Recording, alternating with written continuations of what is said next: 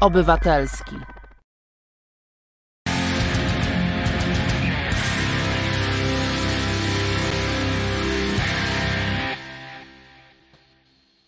Witam Was bardzo serdecznie, Piotr Szumlewicz. Czas na związki. Jestem przewodniczącym Związku Zawodowego Związkowa Alternatywa. To jest program, program związkowy, więc rozmawiamy o związkach zawodowych. Tutaj Charlie Bert się przywitał z panią Gertrudą Uścińską. Ja też witam panią Gertrudę. Nawet jeżeli pani Gertruda nie ma dzisiaj czasu, to przypuszczam, że kogoś tam przysłała, coś się pewnie o ZUSie powie, ale ZUS nie będzie głównym tematem. Właściwie mam dla Was propozycję trzech takich przewodnich tematów dzisiejszego programu to jest kampania wyborcza, to jest system podatkowy i to jest jawność płac i majątków różnych instytucji i osób. W związku z tym te trzy tematy chciałem dzisiaj mm, jakoś połączyć i te trzy tematy mnie interesują. Ruszyła kampania wyborcza, my też będziemy w niej brać udział, będziemy sprawiać niespodzianki, o tym pewnie więcej za tydzień albo dwa, niemniej jednak chcemy się dosyć mocno zaangażować. Z takich planów na najbliższe tygodnie, od razu Wam zapowiadam, mm, przypuszczam, że najbliższy program będę prowadził, że tak powiem, pełen wrażeń, ponieważ e, w najbliższych tygodniach są te co, coroczne imprezy e, biznesowe, polityczne e, i w części z nich będę brał udział. Będę na kampusie Polska pana Trzaskowskiego i pana Tuska jako dziennikarz Resetu Obywatelskiego. W związku z tym wam opowiem okiem związkowca i dziennikarza o tym, co się na tym kampusie działo. Nie byłem tam jeszcze ani razu, więc ciekaw jestem, jak to wygląda. Sądząc po programie jest dosyć partyjnie. Oczywiście pan Trzaskowski nie zaprosił ani mnie, ani nikogo ze Związkowej Alternatywy do panelu i w ogóle tam o związkach zawodowych nic zupełnie nie ma. Natomiast być może jak będzie taka możliwość, to wtedy e, spytam pana Tuska czy pana Trzaskowskiego na przykład, dlaczego różnicują wiek emerytalny kobiet i mężczyzn, albo co mają do powiedzenia na temat pracy w niedzielę, czy na przykład wyższe powinny być stawki, czy jakieś inne rozwiązania. Są takich pytań mam dużo. Zapytałbym też pana Tuska czy pana Trzaskowskiego o to, czy są na przykład za wysokimi odsetkami za niepłacenie pensji na czas, czy mają jakieś propozycje dla związków zawodowych.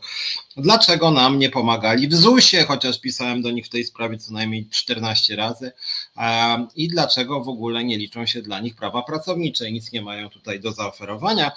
5 września dla odmiany będę jechał na forum ekonomiczne do Karpacza, gdzie co ciekawe mm, będę panelistą. Oficjalnie mnie zaprosili do panelu o nierównościach społecznych, więc tam będę bardziej czcigodnie mm, goszczony. Co ciekawe, czcigodnie, mimo że jest to impreza bardziej pisowska, a ta jest bardziej platformerska, ale jakoś to tak jest, że te pisowskie są E, o dziwo bardziej gościnne niż te platformerskie. Była nowa Solidarność Trzaskowskiego, tu do Julu mówię, sprawdzałem, ze dwa razy w KRS-ie nie ma czegoś takiego, w związku z tym chyba pan e, Rafał nie założył swojego związku, coś tam mu nie pykło, jest grupa facebookowa Nowa Solidarność, natomiast nie ma związku zawodowego Nowa Solidarność, już na pewno nie ma nowej Solidarności pana Rafała e, Trzaskowskiego, więc zresztą może to jest i dobrze, że nie powstał ten związek zawodowy, bo Trzaskowski mm, mówiąc oględnie tak nie do końca czuje działalność związku związkową, e, skądinąd prezydent miasta na czele związku zawodowego.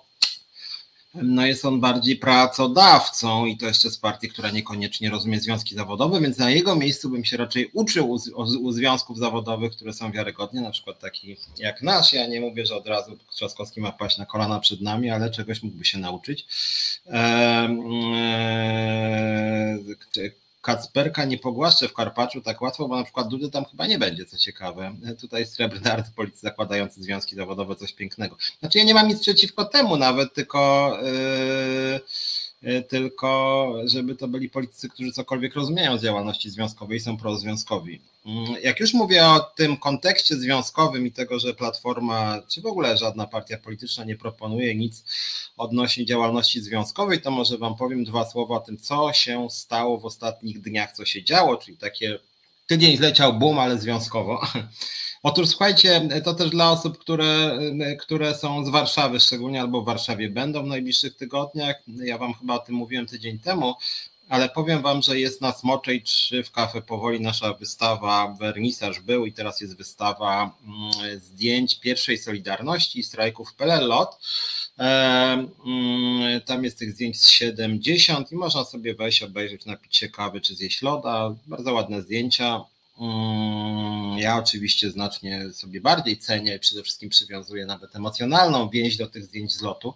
Jest ich tam kilka. E, tam jest taka umowa na, z tą knajpą, że tam chyba raz na tydzień, czy, czy, czy, czy, czy dwa, czy trzy razy na tydzień będą filmiki również z lotu puszczane w tej knajpie o konkretnej porze. Jakbyście byli zainteresowani, e, to oczywiście mi puszczajcie. Wystawa, z tego co wiem, Srebrny Art będzie trwała dwa miesiące. Będzie to jakby dookreślone w najbliższych dniach. W każdym razie to jeszcze co najmniej kilka tygodni potrwa.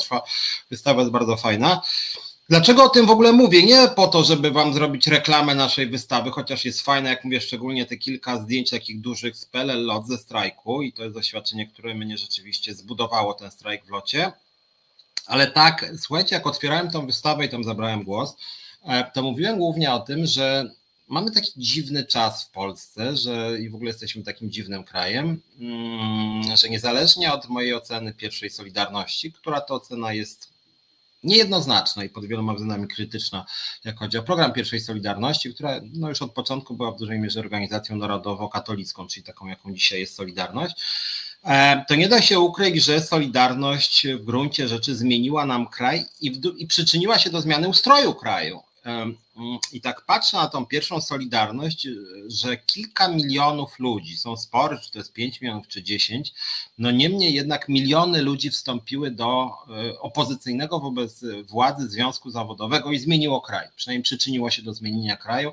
E, ludzie mieli odwagę, żeby działać w związku zawodowym, chociaż groziły im za to represje, tak, szczególnie tym liderom. Liderów było sporo, więc coś takiego się zadziało, że w tym polskim społeczeństwie, które ogólnie jest bierne, a w ostatnich latach jest strasznie bierne, że ludzie jednak przełamali jakieś swoje bariery i faktycznie zaczęli działać, tak? Zaczęli działać, zaczęli się bić między innymi o to, co nam w Związkowej Alternatywie jest bardzo bliskie, czyli niezależność związków zawodowych uznawanych przez władzę publiczną, samorządową i przez pracodawców. I to rzeczywiście pierwsza Solidarność zrobiła. Ja w ogóle dlatego jako lider Związkowej Alternatywy zgodziłem się być organizatorem tej wystawy, bo to myśmy organizowali jako związek, dlatego że uznałem, że jednak po, przy wszystkich wadach ideowych jest pewne podobieństwo między nami i pierwszą Solidarnością, dlatego że i wtedy, i dzisiaj jest to ruch skierowany przeciwko władzy, przeciwko autorytarnej, antypracowniczej władzy. I dzisiaj i wtedy e, mm, ludzie przełamują swój strach i walczą o swoje, tak jak Ilona Garczyńska walczy o swoje, jak Krystian Kosowski walczy o swoje, Darek Pawelczak, e, Agata Jagodzińska, wielu innych naszych liderów, nasze działaczki w locie mają 150 procesów I e, generalnie rzecz biorąc, to, co jest mi bliskie w pierwszej Solidarności, jak mówię przy wszystkich różnicach ideowych, to jest to, że rzeczywiście ci ludzie byli odważni, byli konsekwentni, przełamywali strach, e, z imienia i nazwiska stawali przeciwko władzy, która groziła im więzieniem, niekiedy pobiciem. I za to się należy na pewno szacunek i takich związkowców ja bym chciał, że tak powiem, dzisiaj widzieć. I takich związkowców widziałem i sam byłem takim, jestem takim związkowcem w PLL LOT. W strajk w locie to był rzeczywiście taki zryw bardzo odważnych, konsekwentnych, zdeterminowanych ludzi, którzy nie bali się stanąć przeciwko firmie, która miała prawników za setki tysięcy złotych, która miała PR, marketing, wykupywane artykuły przeciwko nam, która nasyłała nas prawników, nasyłała na nas służby, zastraszała nas. Nie wiem, czy pamiętacie, bo ze dwa razy opowiadałem w tym programie o strajku w locie. Tam naprawdę dochodziło do sytuacji Mm, no takich bym powiedział bulwersujących, tak? To znaczy na przykład e, ludzie strajkowali na deszczu, na zimnie, nie byli wpuszczani do budynków lotu, nie wpuszczano ich do toalet, zakazywano im palenia w piecu, żeby się ogrzali, a było już tak 4-5 stopni, myśmy tam byli od rana do nocy. E, I co więcej, w pewnym momencie pan prezes Rafał Milczarski e, nasłał na strajkujących pracowników ludzi z personelu naziemnego, których zwiózł z całego kraju i oni zaczęli krzyczeć i gwizdać wokół tych strajkujących, tak, precz, wynocha stąd, zdrajcy, spadajcie stąd, tak, więc prezes zrobił taką akcję nasyłania jednych pracowników przeciwko drugim, prezes nasyłał prawników po to, żeby próbowali przekabacić poszczególne jednostki, mówiąc, że przecież macie swoje rodziny, uważajcie, możecie na tym stracić, doprowadzimy was do bankructwa, więc to był cały system zastraszania, cały system nagonki, wydawanie setek tysięcy złotych przeciwko no, związkowi zawodowemu, który jakby nie ma za dużo pieniędzy, pieniędzy, nie ma jakiejś siły wrażenia. Ja się wtedy w to bardzo mocno zaangażowałem, jak wiecie. To był taki mój prawdziwy chrzest bojowy, takiej działalności nie tylko związkowej, ale i społecznej. No to było naprawdę mocne doświadczenie, tam załatwiłem psychologa, e, tam się narodziło mnóstwo przyjaźni, myśmy sobie nawzajem pomagali e, i to rzeczywiście była taka szkoła solidarności, lojalności, odwagi. E, I to rzeczywiście, i rzeczywiście było dla mnie bardzo mocne doświadczenie, i w tym kontekście mm, mówię o tym, wracając do, to jest właściwie dygresja, co ja teraz mówię, wracając do tej kampanii wyborczej, że jest szokujące, że w kraju, w którym 50 lat temu Związek Zawodowy zmienił kraj, Pięć lat temu był strajk w locie, który był rzeczywiście takim zrywem bardzo odważnych ludzi, którzy dali przykład, jak można zmieniać Polskę, jak można zmieniać największe instytucje państwowe, jak można zmierzyć się z aparatem represyjnej władzy i jak można wygrać, bo myśmy wygrali ten strajk, chociaż skierowano przeciwko nam potężne siły, pozywano nas, grożono nam. Ja zostałem pozwany na 200 tysięcy złotych, a mimo to skończyło się tak, że stewardesy dostały po 1000 złotych podwyżki wynagrodzenia zasadniczego. Wszystkie zwolnienia zostały cofnięte, prezes zwolnił dyscyplinarnie 67 osób i został zmuszony. Został przez nas zmuszony, żeby przywrócić tych wszystkich ludzi do pracy. Wszystkie nagany zostały cofnięte, wszystkie pozwy zostały cofnięte, w tym mój pozew na 200 tysięcy złotych i ja mogłem się śmiać twarz tym, nie będę przeklinał panom z lotu, którzy zapraszali mnie po hotelach, a ja się im śmiałem w twarz, pijące kawę za ich pieniądze i mówiłem, i tak będziecie musieli to wycofać gnoje. I tak nic nie wywalczycie. Ja się pochwalę tym zwycięstwem z wami i nie, i nie zgodzę się nawet na to, żeby ten, żeby ten wynik naszych rozmów był utajniony. I tak dokładnie się stało, czyli wycofali, a ja napisałem 1 do 0 dla mnie. E, w związku z tym to było nasze wielkie zwycięstwo i to, jest, i to był taki przykład, jak można pokonać autorytarną władzę, pisowską władzę, bo ja przypomnę, pan prezes lotu Milczarski chodził z małym samolocikiem do pana prezesa Kaczyńskiego w prezencie. Pan Dworczyk został wydelegowany przez rząd do rozmów z nami. E, I w rozmowach Dworczyka, kiedyś o tym Wam mówiłem, pojawiłem się ja i Monika Żelazik i pan premier Morawiecki napisał, że fatalnie to wygląda, ponieważ niezrównoważony psychicznie prezes lotu e, pokrzykuje na wszystkich, bez, bez przerwy łamie przepisy prawa pracy, a strajkujący tą rozgrywkę wygrywają. Nie wygramy tego, napisał Morawiecki i rzeczywiście tą rozgrywkę przegrali, czyli można powiedzieć, wygraliśmy w zasadzie do zera. E, i pokazaliśmy, że można z tą władzą, autorytarną władzą wygrywać. I zrobiliśmy moim zdaniem dużo więcej niż pan Czarzasty, pan Kosiniak-Kamysz czy pan Tusk, to znaczy rzeczywiście konkretną sprawę wygraliśmy po prostu z tą władzą. Więc myślę, że to był bardzo dobry przykład, jak z tą władzą można wygrywać. I niestety jest tak, że e, mm, że dzisiaj nikt nie idzie tą drogą poza nami poza kilkoma naszymi związkami nie idzie tą drogą ani Lewica, ani Platforma, ani Hołownia, nikt tą drogą nie idzie i co więcej, co smutniejsze, żadna partia licząca się w ogóle nic nie mówi o prawach pracowniczych ani związkach zawodowych. To jest zupełnie szokujące. Ja wiem, Gonia Francuz, że kibicujesz Tuskowi, ale ja pisałem do Tuska ze dwa razy. Ja się nie będę też błagał o jakąś wizytę. Ja piszę do wszystkich polityków e, po trzy razy w miesiącu, czy czasami pięć E, I niestety jest tak, e, że, e, że, że, że oni mają na to za przeproszeniem wywalone wszyscy. Oni nie, nie, nie liczą się z pracownikami, nie liczą się ze związkami zawodowymi. Ja im nawet podpowiadałem, mówiłem, słuchajcie, to przecież ja pierwotnie kiedyś rozmawiałem z Czarzastym, kiedy to było? 4 lata temu, Czarzasty wtedy, to jest dosyć zabawne, Czarzasty wtedy mówił, że może bym był szef, wiceszefem SLD nawet wtedy mówił, ja mówię, okej, okay, to może poczekajmy, spoko, mogę być wiceszefem SLD, ale może coś jakoś nawiążmy współpracę i współpraca tak wyglądała, że po dwóch miesiącach Czarzasty przestał odbierać ode mnie telefony, bo się, bo się zrobił deal z OPZZ-em i teraz ten deal cały czas tam się trzyma mocno, ale ja nawet podpowiadałem Czarzastemu i podpowiadam Tuskowi czy Trzaskowskiemu, jak ktoś z Was zna, to cały czas oferta jest na stole. Chodźcie do nas, my Wam pokażemy, gdzie macie działać, jak macie pomagać ludziom i proszę bardzo, my Wam będziemy dziękować za to i ci ludzie będą Was popierać to jest jakby chyba układ korzystny dla wszystkich. Politycy wejdą, pomogą nam, razem wygramy, oni będą mieli z tego uzysk i my będziemy mieli uzysk. Tymczasem niestety politycy żadnej partii, dokładnie żadnej partii pracownikom nie chcą pomagać. Nie chcę, żeby mi uciekały wasze komentarze. Tomasz Indralewicz napisał, że nieprawda, że od początku była Solidarność Narodowo-Katolicka, była otwarta nawet na narodowych katolików. Większość odczuwała rodzaj wdzięczności za poparcie, ale nie identyfikowała się z tym szydem, który potem dość bezczelnie zawłaszczył związek. Ja mam Tomasz taką propozycję też, bo ja wiem, że to ja zacząłem temat, ale dzisiaj jest 23 mm, sierpnia, więc może 30, no za tydzień będzie de facto będzie rocznica porozumień sierpnia, 30, 31 sierpnia, więc może wtedy zróbmy sobie program, przynajmniej część programu o tych postulatach sierpniowych, z którymi ja się szczerze powiedziawszy przynajmniej kilkoma nie zgadzam po prostu e, i uważam, że Solidarność jednak była od początku taka, nawet jak nie narodowo-katolicka, to chadecka na pewno. Również co do programu, jakby się przyjrzał Tomku e, postulatom pierwszej Solidarności, to poza tym, że oczywiście one były wolnościowe, to były niezależne związki zawodowe, co znowu, że o tym nie powiedziałem, rzecz, która łączy nas, związkową alternatywę z, z pierwszą Solidarnością, to jest na pewno punkt pierwszy ustawy o związkach zawodowych, który wywalczyła zresztą Solidarność i teraz jest kwestionowana ta, ten punkt ustawy, mianowicie niezależność związków zawodowych od pracodawcy i od władzy państwowej. I to był pierwszy postulat Solidarności i to jest nasz postulat. I ten postulat dzisiaj jest nierealizowany przez panią prezes Uścińską ZUS-u, pana Nitossi Polska i wielu, wielu niestety innych pracodawców, którzy uważają, że mogą bezczelnie ingerować w funkcjonowanie związku, więc to jest pewna analogia, Natomiast z drugiej strony e, uważam, że jednak Solidarność zawsze była takim związkiem co najmniej chadeckim, może nie narodowo-katolickim, to może za mocno, ale na pewno chadeckim, e, który jednak obce były e, w większości dały socjaldemokratyczne. Srebrny Art pisze, że ostatni wypadek na festynie to kolejny przykład na to, że tą władzę trzeba odsunąć jak najdalej od nictwa i to jak najszybciej.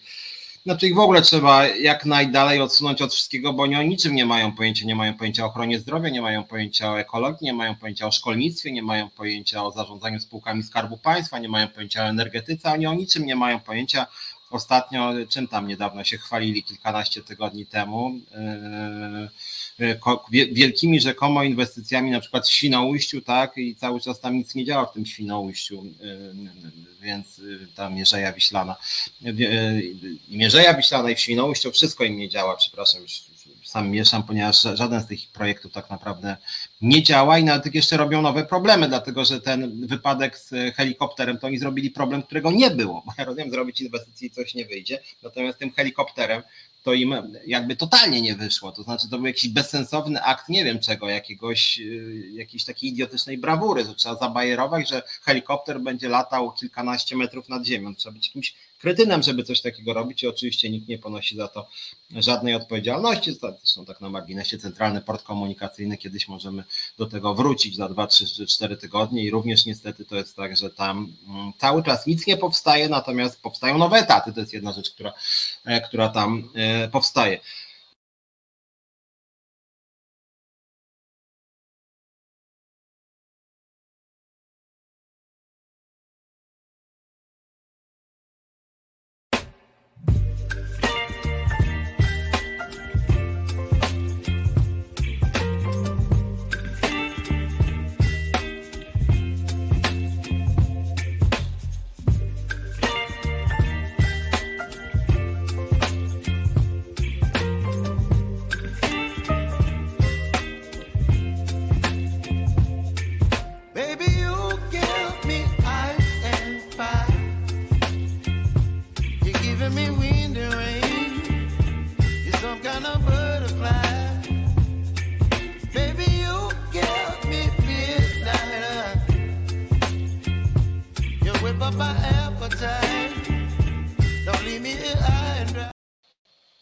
Ojej, coś, coś się słuchajcie dzisiaj dzieje, przepraszam was, to nie wiem czyja jest wina, coś na łączu, być może ktoś ingeruje, może słowo ZUS tak działa, że że co pewien czas, bo tutaj przed programem również znikłem raz czy dwa, e, więc może też za szybko mówię, może spróbuję trochę wolniej mówić, to nie będę się zrywał, że tak powiem, mm, więc, więc wyciszymy trochę atmosferę i może wtedy nie będzie mnie wyrzucać.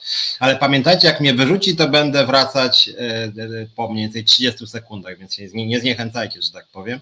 Tutaj widzę, że temat temat się pojawił pierwszej Solidarności. Ja mam prośbę, żebyśmy za dużo o tej Solidarności pierwszej dzisiaj nie rozmawiali, porozmawiajmy sobie może o tym za tydzień, natomiast też sam temat już nie jest bardzo aktualny.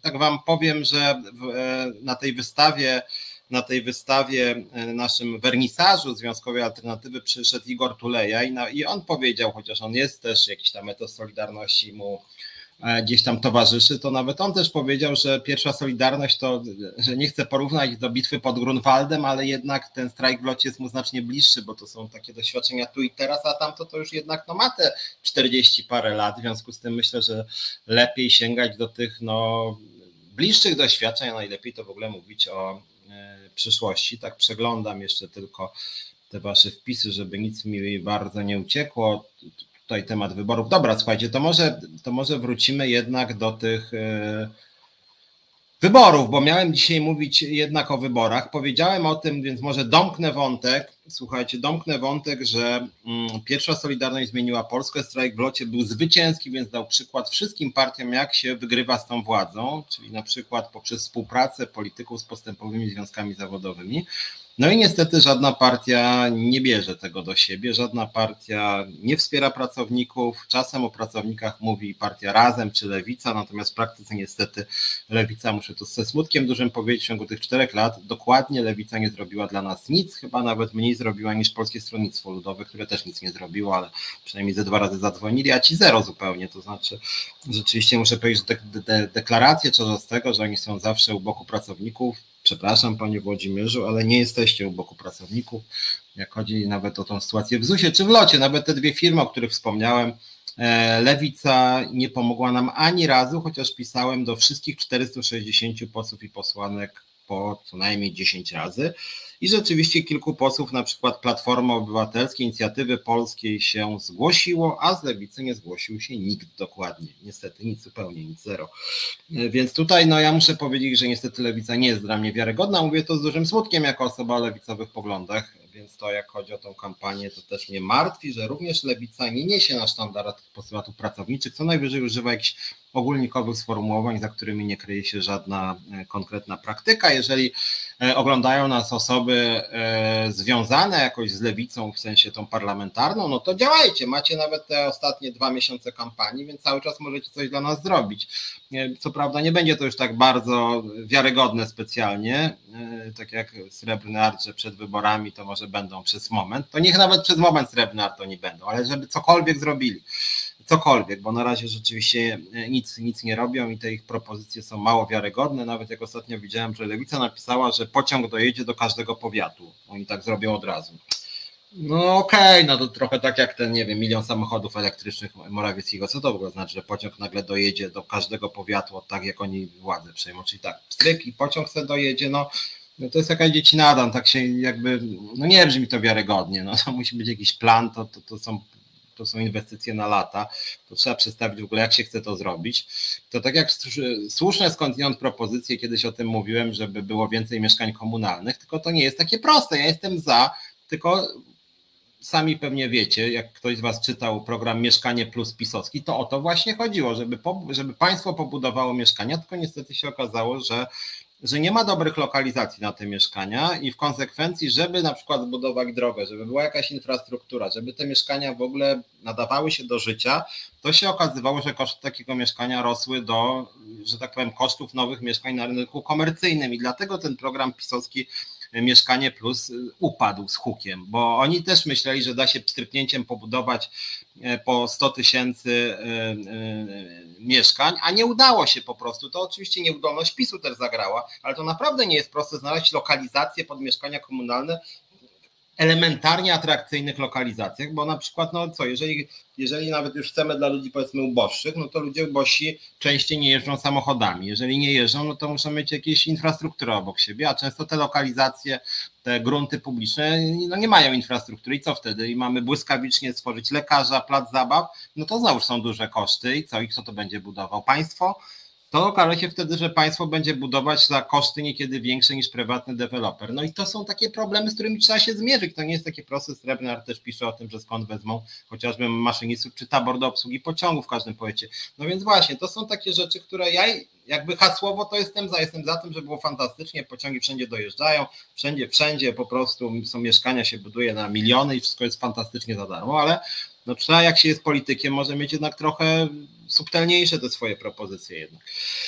E, no, więc e, tak, no Srebrnar też ma rację, że maszynistów już teraz brakuje. Jest wiele takich zawodów Srebrnar, których brakuje. Brakuje oczywiście nauczycieli, brakuje pielęgniarek, w ogóle brakuje pracowników ochrony zdrowia i właściwie mało kto się e, zajmuje tymi deficytowymi mm, zawodami i mało kto na przykład przygląda się przygląda się e, sprawie przyjmowania migrantów pod tym kątem, że mamy potężne niedobory pracowników i na przykład Niemcy przyjmują setki tysięcy, również teraz najwięcej Ukraińców teraz przyjmują już nie Polacy, Ukra Niemcy przyjmują najwięcej pracowników ukraińskich i oczywiście im się to opłaca i oni bardzo sprawnie integrują właśnie tych ludzi w swój rynek pracy. Już mają bardzo dużo Syryjczyków, mnóstwo lekarzy z Syrii bardzo dobrze przygotowanych, którzy już mają e, szybko dostali różnego rodzaju uprawnienia i dzięki temu Niemcy mają dużo lepszy dostęp do ochrony zdrowia niż Polska i to też jest problem do dyskusji. Zamiast tego idiotycznego pytania referendalnego, no to na przykład można byłoby się na tym skupić, tak? Na temat polityki migracyjnej pod kątem rynku pracy, czyli również na przykład posłuchać postępowych związków zawodowych, takich jak my, co o tej sprawie sądzą i razem z nami i innymi organizacjami, również pracodawców. Ja tutaj nie mówię, że nie zająć się tego typu poważnymi problemami. Natomiast uciekam ciągle od, od tego, czym miałem rozmawiać, mianowicie podatki, jawność płac i kampania wyborcza. Zacząłem od kampanii wyborczej, więc może do tego wrócę czy przejdę. Beznadziejna ta kampania, beznadziejna zupełnie. Słuchajcie, my jako Związkowa Alternatywa będziemy się chyba w tą kampanię jakoś angażować. W te wybory na razie nie zamierzamy startować, bo uważamy, że mamy, jesteśmy na etapie rozwoju, zatrudniamy ludzi, przyjmujemy nowe związki, E, przygotowujemy się do jakiegoś frontalnego ataku w okolicach wyborów, jak chodzi o właśnie nagłaśnianie spraw pracowniczych. E, natomiast staramy się stworzyć siłę, która będzie w stanie wywoływać silną presję na polityków, na każdy rząd. Jeżeli uda nam się przegnać jeden rząd, to wszystkie rządy pozostałe już się nas będą bały. E, I będziemy rzeczywiście w tą kampanię się angażować. Natomiast z drugiej strony rzeczywiście jest tak, że ta mm, kampania obecnie jest beznadziejna to jest jakieś dno absolutne merytorycznie. Ja muszę powiedzieć, że jestem pod bardzo, bardzo złym wrażeniem. Gdyby nie to, że mam powiedzmy szerszy ogląd rzeczywistości, gdyby nie to, że ta pisowska władza nas prześladuje, gdyby nie to, że ta pisowska władza jest kołtuńska, fatalnie przygotowana, homofobiczna, ksenofobiczna, nienawidzi kobiet, ma deal z kościołem, mnóstwo jest w niej złodziei nierozliczonych, zawłaszcza kraj bezczelnie, no to jak chodzi o wiele postulatów merytorycznych, jak chodzi o rynek pracy i politykę społeczną, to niestety opozycja się tak bardzo od władzy nie różni. Mówię teraz o kwestiach programowych, natomiast rzeczywiście jest tak, że PiS ponadprzeciętnie niszczy kraj, dlatego życzę serdecznie PiSowi, żeby został przegnany. Niemniej jednak programowo uważam, że wszystkie partie startujące obecnie w wyborach są bardzo, bardzo, bardzo słabe. Jedną rzecz, wczoraj miałem taki program, mam we wtorki o 22 z Jackiem Zimnikiem, więc nie chcę się powtarzać, bo część z Was być może oglądała ten program, natomiast jedną rzecz tylko powtórzę. Dużo się mówi o sojuszu Tuska z Kołodziejczakiem. To jest program związkowy, więc ja nie chcę szczegółowo analizować tych wszystkich układów, kto startuje w wyborach i dlaczego. Ja powiem tylko, że z perspektywy postępowego związku zawodowego jestem bardzo tym dealem Tuska rozczarowany, hmm, dlatego że moim zdaniem Kołodziejczak jest osobą, która wyraża Polskę najbardziej archaiczną, zacofaną, antyunijną, która nie ma nic wspólnego z no, nowoczesnymi, uniwersalnymi prawami, standardami unijnymi, którego, których my jesteśmy jako związek gorącymi zwolennikami. E, Kołodziejczak jest antyunijny, jest przeciwko procedurom, jest e, przeciwko e, zacieśnianiu integracji europejskiej, jest przeciwko postępowi. Uważam, że to jest błędna ścieżka i ja jestem głęboko o tym przekonany i dlatego Zasmuciło mnie to, że Tusk akurat sobie wybrał Kołodziejczaka, że nie wziął sobie kogoś, kto nawet jakby nawet byłby z nami nie po drodze, ale, ale w jakiejś mierze wyrażałby przynajmniej jakieś postępowe trendy. Co mam na myśli? No, mój pomysł na politykę czy wizję polityki w Polsce, ja na razie nie jestem politykiem, to jest generalnie sojusz postępowych liberałów z postępowymi socjaldemokratami czy socjalistami, którzy dogadują się odnośnie takich rzeczy, o których też dzisiaj będę sporo mówił, jak dwa i pół razy więcej, czy dwa e, razy na pracę w niedzielę, jak, e, e, jak profesjonalna, dobrze opłacana administracja publiczna, jak wysoka jakość usług publicznych, jak troska o środowisko, jak wysokie nakłady na ochronę zdrowia, jak wysoki poziom szkolnictwa, jak walka z nepotyzmem i kolesiostwem. I niestety jest tak, że Kołodziejczak no nie jest, e, że tak powiem, nosicielem tych idei, które ja teraz przedstawiłem. E, jest wręcch ich zaprzeczeniem, więc moim zdaniem znacznie lepiej by zrobił Donald Tusk i koalicja, gdyby na przykład się dogadały, ja nie mówię teraz ze mną, nie pcham się, e, my się bardzo różnimy z panem Donaldem Tuskiem czy z Rafałem Trzaskowskim, jak chodzi o wizję kraju, ale gdyby nawet Donald Tusk się dogadał pracodawcami RP, z Lewiatanem czy z jakąś dużą inną organizacją pracodawców, dlatego że Platforma straciła na rzecz Konfederacji część środowisk biznesu, więc jak mówię, mi to byłoby nie po drodze, ale byłoby to dla mnie zrozumiałe. Byłoby to dla mnie po prostu zrozumiałe, że Platforma próbuje przejąć elektorat Konfederacji i dogaduje się ze środowiskami biznesu, a z drugiej strony lewica mogłaby e, na przykład dogadywać się ze środowiskami postępowych związków zawodowych, czego nie robi. Dlatego ja uważam, że lewica w Polsce jest w ogóle do wymiany, bo tam już chyba nie ma nic zupełnie, ani merytorycznie, ani strategicznie. Natomiast e, Przykro mi jest, że Tusk rzeczywiście idzie w taką, takim kierunku sojuszy ze środowiskami antyunijnymi, ksenofobicznymi, które są przeciwko uniwersalnym procedurom, przeciwko ochronie środowiska, no takimi antynowoczesnymi można powiedzieć. Ja, jedna rzecz u Ryszarda Petru i pani Lubnauer zawsze mi się podobała, ładnie sobie wybrali nazwę partii. Ja też jestem za nowoczesnością. Za nowoczesnością.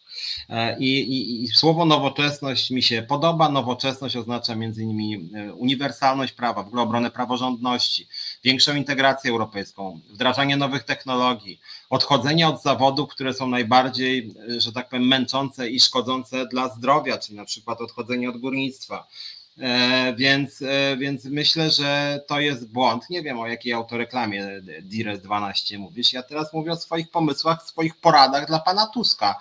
Ja nawet nie mówię, że on ze mną ma się dogadywać, tylko sugeruję mu, żeby się dogadywał z pracodawcami, którym ja się kłócę od zawsze. W związku z tym, jakby jak mówię teraz jako analityk, nawet nie jako działacz związkowy, więc po prostu uważam, że to jest błąd, tak? Srebrny Art napisał, że tam Kołodziejczak niedawno powiedział, że klepnie w głosowaniu kobietom, co one tam będą chciały. No przecież to jest jakieś kołtuństwo. No. Ten Kołodziejczak jeszcze dwa miesiące temu mówił, że że, e, że Tusk cofnął państwo polskie o kilkaset lat. No przy całym braku szacunku dla polityki Tuska, jakie kilkaset lat? Przecież to jakiś idiotyzm jest w ogóle. No. E, więc, więc ja bym życzył powiem tak, życzyłbym przyszłemu rządowi, jeżeli to byłby rząd niepisowski, żeby on szedł jednak w kierunku postępu, większej integracji europejskiej, e, żeby szedł w kierunku ochrony środowiska, poprawy jakości ochrony zdrowia, a nie obrony jakichś interesów jakichś drobnych posiadaczy wiejskich. No przepraszam bardzo. Przypomnę tylko, że pan Kołodziejczak i Agrounia we wszystkich sondażach większych mają i mieli poparcie na poziomie między 0 i 0,4. No wartość dodana moim zdaniem jest wątpliwa. Warto też pamiętać, że wieś to nie jest tylko, jakby mam wrażenie, że wszyscy w Polsce operują jakimś wyobrażeniem wsi, że to w ogóle jak, jakiś XIX wiek, że ci ludzie na wsi to jacyś, jacyś tacy, no nie wiem, jakieś stroje ludowe i zajmują się tylko kurami, świniami, krowami, niczym innym tak już nie wygląda wieś. No, w Unii Europejskiej nigdzie tak nie wygląda prawie tej Europie Zachodniej. W Polsce troszkę tak wygląda, ale coraz mniej. Na wsi mieszka wiele osób, którzy mają aspiracje, którzy chcą tworzyć kawiarnie, restauracje, którzy są informatykami, którzy wyjeżdżają za granicę pracować, którzy chcieli, część z nich przeprowadza się do miast. Część osób z miasta przeprowadza się na wieś i bynajmniej nie po to, żeby zajmować się e, pasaniem krów. W związku z tym moim zdaniem to jest jakiś stereotyp też, który takie powielanie tych, e, tych tak naprawdę kliszy pisowskich i to, że na przykład teraz wszyscy biegają, ostatnio zauważyłem, nawet lewica zaczyna po dożynkach biegać, czy w ogóle dożynki jako jakaś, jakaś ja nie wiem, centrum kampanii wyborczej, to jest jakiś absurd, no więc ja bym oczekiwał, żeby, żeby partie, jak już o tym mowa, żeby partie opozycyjne przedstawiały jakąś nową wizję wsi, modernizację wsi, modernizację wsi, a nie umacnianie tych archaicznych stosunków społecznych, klasowych, własnościowych, stosunków władzy, gdzie prawda, ten, ten pleban, lokalny biznesmen i jakiś tam starosta rozdają karty wszędzie. Części dużej ludzi to się nie podoba po prostu. No to już naprawdę nie jest XIX wiek, więc myślę, że potem ten, ten pomysł Kołodziejczaka jest jednak przestrzelony. Jako lider związkowy jestem tym też rozczarowany, bo jak mówię, to, co na przykład nas łączy ze środowiskami części środowisk liberalnych i części środowisk pracodawców, tutaj ja mogę zrobić koalicję, proszę bardzo, w tej sprawie.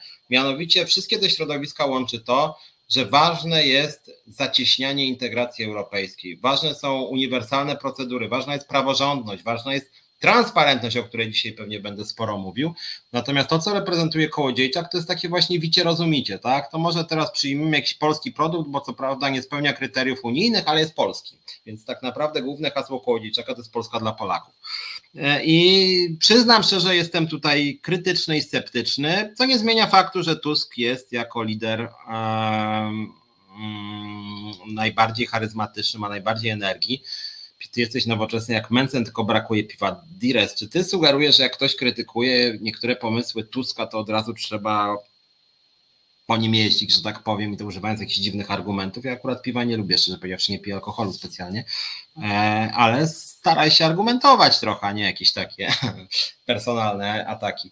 E, no więc e, konkludując ten temat wyborczy, cały czas nie ma w tej debacie wątków związanych z rynkiem pracy, z polityką społeczną. Niestety na tym obszarze mam wrażenie trochę PiS rozdaje karty.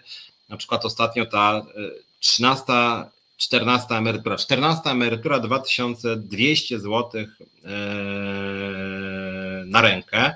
I to ma być jakieś systemowe rozwiązanie emerytalne, jakiś siódmy cud świata. Ja mówię, ludzie, no co to w ogóle jest właściwie? Dlaczego jakaś 14 emerytura?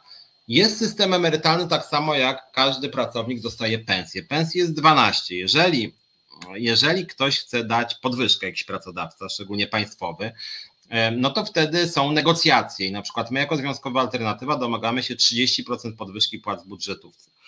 30% podwyżki płac. Mm, I teraz pan Piotr Duda z panem Mateuszem Morawieckim dogadali się, że podwyżek generalnie nie planują, ale mogą sprawić pracownikom przedwyborczy prezent w wysokości mniej więcej 800 zł, 800 zł na rękę, jednorazowo. Ja sobie myślę, Jezu, no co to w ogóle ma być? Żadnych podwyżek praktycznie, zamiast, zamiast waloryzacji pensji, po prostu podwyżki pensji na przykład o 20%, nawet to 10, no już niech będzie 10 nawet, to oni po prostu chcą sypnąć przed wyborami, macie, żryjcie i głosujcie na nas, tak? No to już no takie dosłownie przekupywanie wyborców bez żadnej konkretnej propozycji systemowej. Żadnej, żadnych podwyżek systemowych, tylko jakieś jednorazowe ochłapy rzucać. Nawet jak te ochłapy są wydają się być jednorazowo niezłe, to systemowo to nic nie znaczy. No. E, przypomnę tylko, że zarządów PiSu emerytury w ogóle realnie rosły wolniej niż zarządów PO-PSL, który to rząd bynajmniej nie kochał emerytów, więc to w ogóle jest dno, co wyprawia PiS. Czyli psucie systemu emerytalnego e, i zarazem jakieś jednorazowo przedwyborcze prezenty. Więc ja bym szczerze powiedziawszy, jakbym był posłem, głosowałbym przeciwko 13 emeryturze, przeciwko 14 emeryturze i za radykalną podwyżką emerytur radykalną podwyżką emerytur po prostu, a nie jakieś jednorazowo prezenty. E, I uważam, że opozycja robi źle, że daje sobie wejść na głowę i właśnie sama się z pisem licytuje na te dodatki. Wszyscy będą za tą 14 e, emeryturą, oczywiście wysokości pisowskiej, wszyscy. E, druga sprawa, która też mnie zbulwersowała, to już tak krótko, kolejne idiotyczne propozycje w budżetówce są 13 do likwidacji. Ja ci powiem Wojtek tak, to też jest jakaś taka archaiczna rzecz, która tej trzynastki już w wielu zawodach nie ma. Y, moim zdaniem to jest oczywiście do wyboru pracowników i u nas musiałbym się spytać moich związkowców. Niemniej jednak, jak ja mam wyrazić swoje zdanie, to uważam, że znacznie lepszym rozwiązaniem niż trzynastka czy czternastka byłoby po prostu podwyżka pensji o 50% i bez żadnych trzynastek czy czternastek, po prostu co miesiąc dostawać godną pensję a nie jakieś takie, no dobra, jak będziecie grzeczni, dostaniecie trzynastka, jak będziecie bardzo grzeczni, dostaniecie jeszcze pół trzynastki, czyli czternastkę. E, więc, więc moim zdaniem znacznie lepszą drogą podwyżek to nie są trzynastki czy czternastki, tylko po prostu wyższe pensje. Więc ja osobiście jestem za tym, żeby trzynastek nie było, żeby ta trzynastka była podzielona, czyli na przykład trzynastka w postaci nie wiem, średnio 6 tysięcy czy tam 4, na przykład 4000 na 12 e, e, e, miesięcy, tak, czyli tam ile? 300 zł z kawałkiem i w tym momencie podnieść o 300 zł z kawałkiem i jeszcze dorzucić 1300. I takie podwyżki powinny być, a nie jakieś jednorazowe dodatki. Po prostu powinny być godne pensje i godne emerytury. A już czternastki, piętnastki, no co to w ogóle ma być? No i to jeszcze takie właśnie przedwyborcze. No to bo Kaczyński nie mówi, że on będzie jakaś trwały mechanizm, bo trzynastka przynajmniej ma element trwałości, tak? Przynajmniej w tym systemie to z PRL się wywodzi. Przynajmniej to jest przewidywalne. Chodzi po prostu o, y, o dodatkową pensję, tej wysokości, którą jest ta pensja co miesiąc, tak? Eee, natomiast, natomiast ta czternastka to już jest czysty, że tak powiem, że tak powiem, akt akt łaski pana prezesa Kaczyńskiego. Macie tutaj i żryjcie i zagłosujcie na nas. To właśnie tak brzmi. No to w ogóle jakieś takie jednorazowe prezenty, psucie prawa, dlatego że polski system emerytalny, ja tylko wam podkreślę, e, że polski system emerytalny tak działa, że każdy sam sobie wpłaca na swoje konto. Mi się ten system nie podoba, ale taki sobie zrobiła między innymi partia rządząca nami, bo to jest e, system jest obecnie taki, który wprowadził AWS-UW. AWS-UW. E, AWSUW to między innymi była koalicja wielu posłów dzisiejszego PiSu i oni przegłosowali system, że każdy dostaje taką emeryturę, jaką sobie wpłaci pieniądze.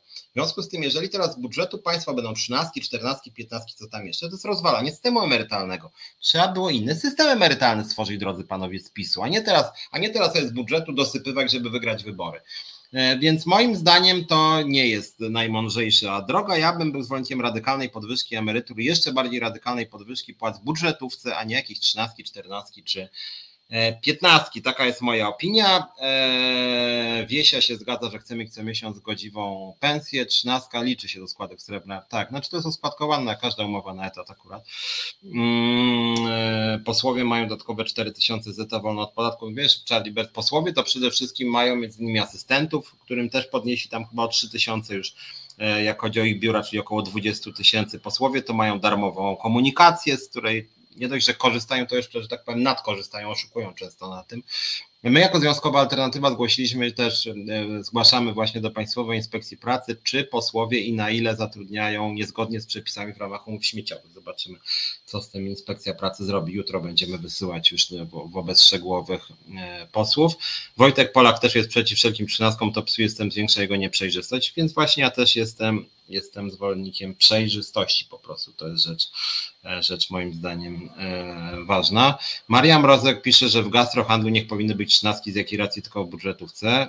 No, no więc właśnie, to, to, to, to też uważam, że to jest trochę arbitralne. Ile pan zarabia w resecie? Generalnie ja zarabiam e, miesięcznie w resecie rzędu 600 zł, ale o tym zaraz będę mówił 630 dokładnie zazwyczaj e, na rękę. E, w związkowej alternatywie 5200 netto. Ale chciałem o jawności płac powiedzieć w dalszej części programu i do tego wrócimy, bo jestem gorącym zwolennikiem jawności płac, dlatego jakby tak łatwo, że tak powiem, odpowiadam na tego typu pytanie skąd wezmę kasę na godziwe emerytury, skoro PiS od dawna drukuje kasę. To może znowu chciałem o systemie podatkowym trochę porozmawiać. E, natomiast generalnie DIRES 12 jest tak, że niestety przez wiele lat w Polsce był taki system, w którym znaczna część umów Polsce nie była w ogóle oskładkowana. Umowy o dzieło i umowy zlecenia. Teraz umowy zlecenia częściowo są oskładkowane, ale umowy o dzieło już nie. System jest niejednolity, w związku z tym moim zdaniem wszystkie rodzaje umów powinny być oskładkowane. Jakby były wszystkie oskładkowane, to wtedy te składki, szczególnie dla osób uboższych, mogłyby być po prostu niższe. I nie wiem, czy Dires też wiesz i czy wy wszyscy wiecie, że osoby bogate w Polsce o zarobkach e, e, o, e, przekraczających po przekroczeniu 12-krot, 30-krotności, przepraszam, e, średniej krajowej już przestaje się płacić składki emerytalne, więc w związku z tym ten system w ogóle jest degresywny, że osoby bogate nie płacą w Polsce składek emerytalnych. To jest dosyć niesamowite rozwiązanie. Chyba jest to ewenement na skalę europejską, jeśli nie światową, że w Polsce bogaci ludzie nie płacą składek emerytalnych, są po prostu zwolnieni, przez to ich poziom opodatkowania jest relatywnie e, niski. E, Katarzyna Zaręba-Niedźwiecka też uważam, że, e, e, e, że godne pensje zmieniły bardzo dużo w Polsce. To jeden z największych problemów, ale widać nikt nie chce zapisywać się do związków ani walczyć o swoje prawa, czy nie. Temat jest bolesny, Katarzyno. Do nas się zapisuje coraz więcej osób i my mamy w ciągu ostatniego półtora roku przypływ rzędu 5 tysięcy osób. Niemniej jednak rzeczywiście ludzie się boją. O tym mówiłem w tej pierwszej części programu, że faktycznie jest tak, co na mnie zrobiło jednak wrażenie. Jak tak czytam sobie książki historyczne, że do tej pierwszej Solidarności zapisało się kilka milionów ludzi, a teraz ludzie mówią, że nie mogą się zapisać do związku, bo mają kredyt, bo muszą mieć pracę. Ja myślę, ludzie, to jak wy chcecie cokolwiek w tym kraju zmienić, jak wy się boicie nawet wstąpić do związku, wstąpić, nie zastrajkować, nie wejść w jakiś spór zbiorowy, tylko wstąpić do związku, nawet anonimowo. To już jest poziom tchórzostwa w wersji hard i później się dziwią ci ludzie, że mają śmieciowe wynagrodzenia. My na przykład mamy jako związkowa alternatywa problem na poczcie, rozwijamy się tam, jeżeli nas oglądają pocztowcy, serdecznie zapraszamy. Natomiast y, spotykam się czasem z tym, że, że, że piszą na mnie, nie, nie, bo te związki to są słabe, więc w ogóle lepiej to, żeby związków nie było, a ja zarabiam płacę minimalną i, i to jest straszne. Koniec komunikatu. I mówimy człowieku, jeżeli związki są złe, jeżeli ty zarabiasz mało, no to związki składają się z ludzi, to zapraszamy w nasze szeregi. Będziesz robił to, co będziesz chciał Zwią możesz być szefem naszego związku to pokażesz, jak powinny działać związki zawodowe i wtedy, a nie, no to już bez przesady, nie? I taki człowiek wtedy znika. I niestety często jest tak, że właśnie tak ludzie działają. Narzekają na te inne związki, słusznie często narzekają, ale w takim razie dlaczego nie tworzą związków bardziej bojowych, do których my, jak mówię, zapraszamy. Podnieść kwotę wolną od podatku do 60 tysięcy. Zaraz przejdę do tego e, systemu, do tej kwestii podatkowej. Jestem przeciwko podnoszeniu kwoty wolnej od podatku. Ja bym nawet chyba obniżył kwotę wolną od podatku albo nawet zniósł. Ja przypominam tylko, że kwota wolna od podatku radykalnie zmniejsza wpływy do budżetu i cięcia w podatku dochodowym to jest bankructwo samorządów. Więc jeżeli chcielibyście, żeby wasze samorządy poupadały, żeby nie miały pieniędzy na inwestycje, żeby generalnie rzecz biorąc usługi publiczne samorządowe wyglądały jeszcze gorzej niż wyglądają, żeby na przykład nie było pomocy społecznej, no to w takim razie możemy w ogóle znieść podatki i wtedy zniesiemy też samorząd, tak? Przypomnę tylko Mirek Mirek, że e, wiele naprawdę ważnych, zasadniczych usług, e, to są usługi jednak samorządowo opłacane e, i ja uważam, że to jest zły pomysł, żeby, że tak powiem, niszczyć tą część samorządową, a powtarzam, samorządy są finansowane z podatku dochodowego.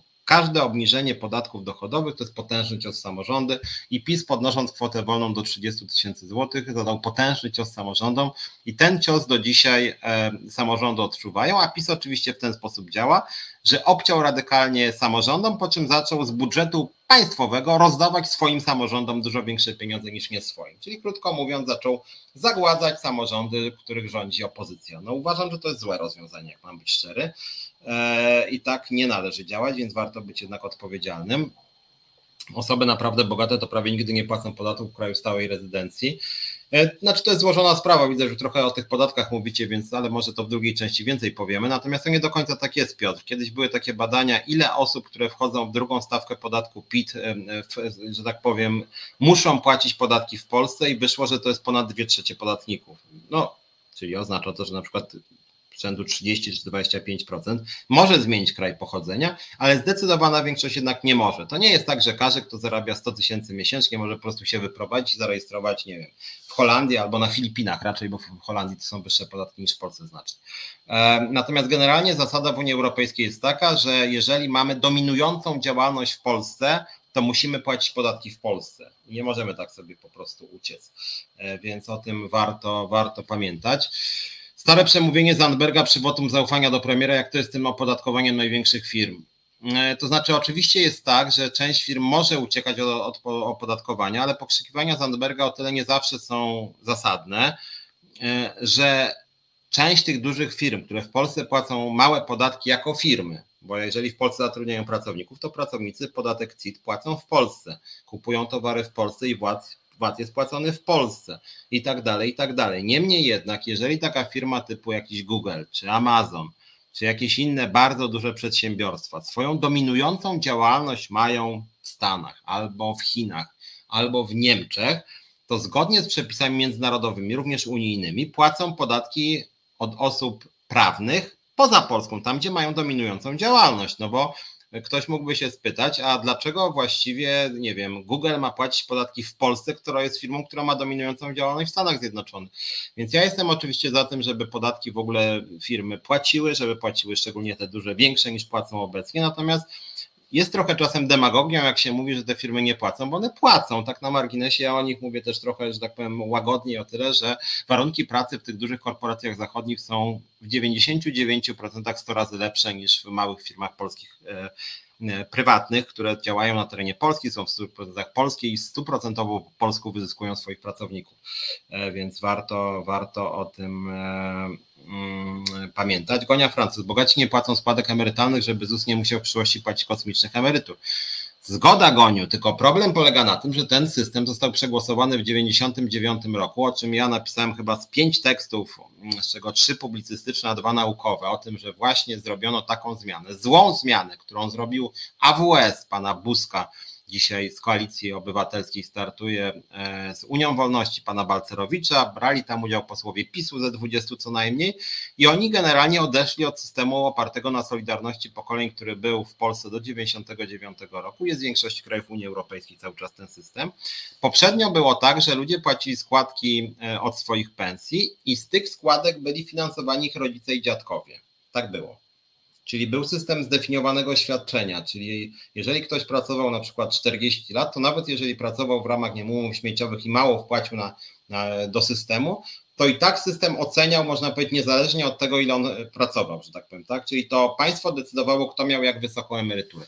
W 1999 roku odeszliśmy od systemu opartego na solidarności pokoleń i przeszliśmy do systemu indywidualnego, w którym każdy płaci sam na siebie i każdy dostaje, przynajmniej w idei, dostaje tyle, ile wpłacił do systemu. Na tym to polega. I stąd się pojawił ten problem E, że jeżeli by e, ludzie dużo zarabiający płacili bardzo wysokie składki, to później by otrzymali bardzo wysokie emerytury. Ale oczywiście to można skorygować. Jeżeli można zrobić tak, co PiS robi dzisiaj, że pomija zupełnie ten mechanizm, że każdy dostaje tyle, ile wpłaci i po prostu Kaczyński mówi, dobra, ja sobie wymyśliłem, że ja niezależnie od tego systemu dorzucę po 2000 części emerytów, bo tak chcę. No to jeżeli tak, to może wprowadźmy mechanizm, zgodnie z którym e, bogatym jednak obetniemy trochę te emerytury, no, e, tym osobom, które zarabiały miliony.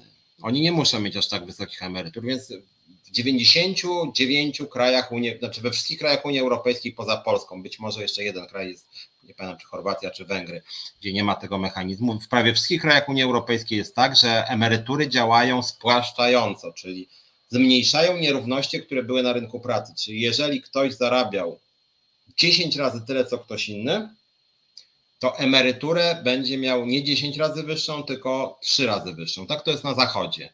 I to jest moim zdaniem zdrowa zasada żeby nieco zmniejszać, bo w końcu no, wszyscy się starzejemy. Ludzie, którzy nie zarabiali milionów, również pracowali ciężko, są zmęczeni, chcieliby odpocząć, mają prawo do odpoczynku. E, w związku z tym uważam, że mechanizm, zgodnie z którym jednak cała kwota jest oskładkowana również milionerów, a później otrzymują oni jednak niższe emerytury niż to, co wpłacili do systemu, no jest sprawiedliwsze. Emerytura jest, jest rozwiązaniem państwowym. A nie, a, a, bo jeżeli każdy sam, sam miał na siebie wpłacić, to równie dobrze każdy mógł sobie na konto odkładać, a jednak odkłada w ZUS-ie. E, warto zresztą też pamiętać, że mnóstwo e, grup jest wyłączonych z tego systemu, że na przykład, e, że na przykład do niedawna policjanci pracowali 15 lat, już mieli prawo do emerytury, że górnicy przechodzili wcześniej, mieli relatywnie znacznie wyższe emerytury niż to wynikało z tego systemu powszechnego. I jest dużo grup społecznych, które są poza tym systemem, więc ten system i tak już jest dziurawy. Więc moim zdaniem tutaj warto byłoby zmienić ten system emerytalny i smutne, smutno dla mnie, e, smutne dla mnie jest to, że żadna partia opozycyjna o tym nie mówi i żadna partia opozycyjna nawet się nie zgadza na zrównanie wieku emerytalnego kobiet i mężczyzn. Jest oczywiste, bo przez te nierówności, o czym lubię w tym programie powtarzać, właśnie przez ten nierówny wiek emerytalny kobiety kobiety czeka biedna starość, a według szacunków i Eurostatu, i OECD, i Polskiego GUS-u w 2050 roku, jak nic się nie zmieni, to będziemy państwem bardzo biednych kobiet 70, plus, gdzie kobiety będą po prostu miały głodowe emerytury, e, a nie będą miały głodowych emerytur tylko wtedy, kiedy będą pracowały znacznie dłużej niż 60 rok życia. Czyli będziemy mieli ten fikcyjny wiek emerytalny, którego dzisiaj wszyscy bronią 60-65, a szczególnie kobiety i tak będą musiały pracować dłużej, nawet nie 5 lat, tylko 10 albo 15 biorąc pod uwagę też to, że mamy coraz gorsze wskaźniki demograficzne, więc ten system się w ogóle nie spaja, działa to fatalnie i wszystkie partie zaczarowują rzeczywistość. E, Charlie Bell, że jest niewiedza na temat związków w Polsce w mentalności Solidarność i nic więcej. No, częściowo tak, dlatego my jako związkowa alternatywa robimy wszystko, żeby ten układ sił, że tak powiem, związkowych zmienić, żeby, żeby właśnie w świadomości społecznej były nie tylko konserwatywne związki zrzeszone w Solidarności, ale postępowe związki zrzeszone e, w związkowej e, alternatywie. Taki jest między innymi nasz cel. Nasz cel. Eee, czy samorządy muszą być w ten sposób finansowane. No powiem Ci tak, Charlie nic nie musi być w ten sposób, tylko jeżeli, jeżeli wprowadzisz finansowanie budżetowe samorządów, okej, okay, ja nie mam nawet nic przeciwko, tylko w takim razie, no trzeba ja jestem zwolennikiem konsekwencji, jak się dyskutuje o, o gospodarce i polityce społecznej. W przeciwieństwie do polityków, chociaż to oni powinni być odpowiedzialni, a ja podobno jestem krzykliwym związkowcem, a to ja jestem bardziej odpowiedzialny od nich. Oczywiście, że możemy finansować bezpośrednio z budżetu, ale same partie opozycyjne dzisiaj mówią, że PiS potwornie zadłużył państwo i taka jest prawda. PiS stworzył całkowicie nielegalny, właściwie kryminalny mechanizm niedemokratyczny, mianowicie wyprowadzili poza budżet połowę budżetu. Czyli jest budżet i poza budżetem jest drugi budżet, który jest w ogóle poza kontrolą parlamentu. I PiS rzeczywiście to nie jest miliard złotych, dwa miliardy, tylko to są kwoty rzędu 200 miliardów. Wyprowadzi, jakby mają budżet równoległy, który jest de facto trochę mafijnie działa, czyli władza sobie sama wyprowadziła poza kontrolą ustawodawczą, co jest w ogóle sprzeczne z konstytucją. I tak to dzisiaj działa. E, I sama opozycja mówi, że to jest haniebny mechanizm i opozycja ma rację, że państwo jest strasznie zadłużone i ma rację. No to teraz, jeżeli ma rację, e, i chce, a mimo to chce obniżyć podatki o połowę dochodowe, o połowę, czyli zwiększyć kwotę wolną z 30 na 60 miliardów, czyli tam nawet ci, ta Leszczyna i spółka mówi, że to są koszty rzędu 20 miliardów rocznie straty, no to to jest jakiś kosmos. No. Czyli co? Czyli znika 20 miliardów, z czego y, tam 13 czy 14 znika dla samorządów rocznie.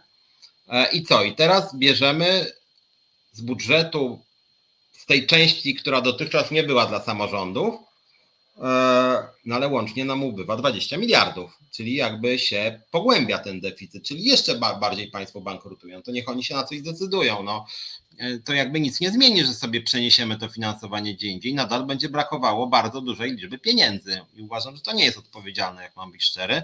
Zgadzam się ze Srebrnym Martem, podatek zero dla studentów do 26 roku życia.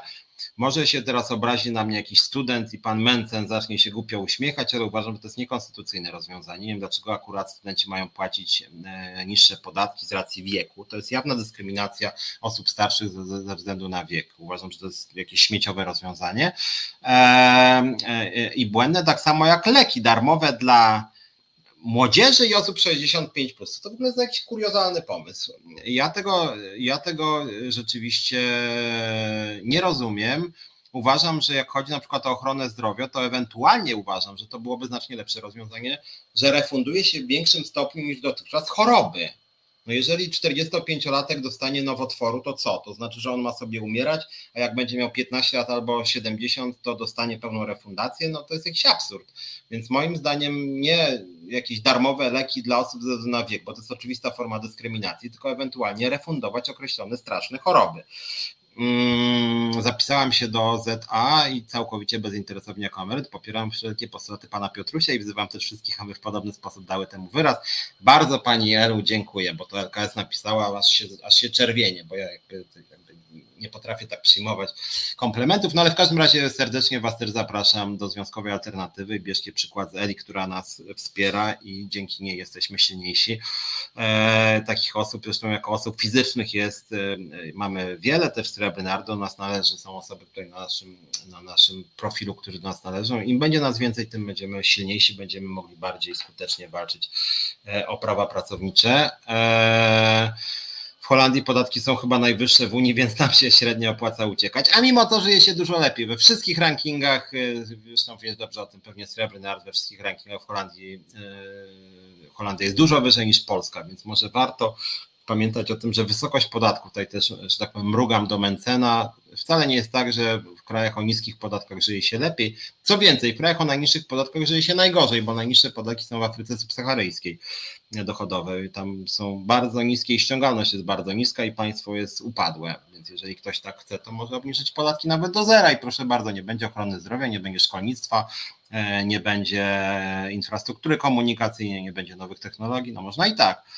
E, samorządy, przegonia Francuz są okradane przez PiS, bo wszelkie ulgi dla ludzi idą z pieniędzy samorządów. Znaczy, no są okradane, ale pamiętajmy o tym, że z jednej strony, z jednej strony są okradane, ale z drugiej strony też jak się obniża podatki, to, no to wtedy jeżeli się obniża podatki, to wtedy jednak zmniejszają się te, e, te środki. No, no nie ma czarów, no po prostu. No. E, Polska obecnie, tu jedna uwaga odnośnie tych podatków, o których powiem Wam za chwilę przerwę, zrobimy w drugiej części programu. Podatki dochodowe, uwaga, uwaga, panie Mencen i inni, podatki dochodowe w Polsce należą łącznie do najniższych w Unii Europejskiej, najniższych. Mamy strasznie niskie podatki dochodowe. Wiem, że się część z Was z tym nie zgadza, ale takie są fakty.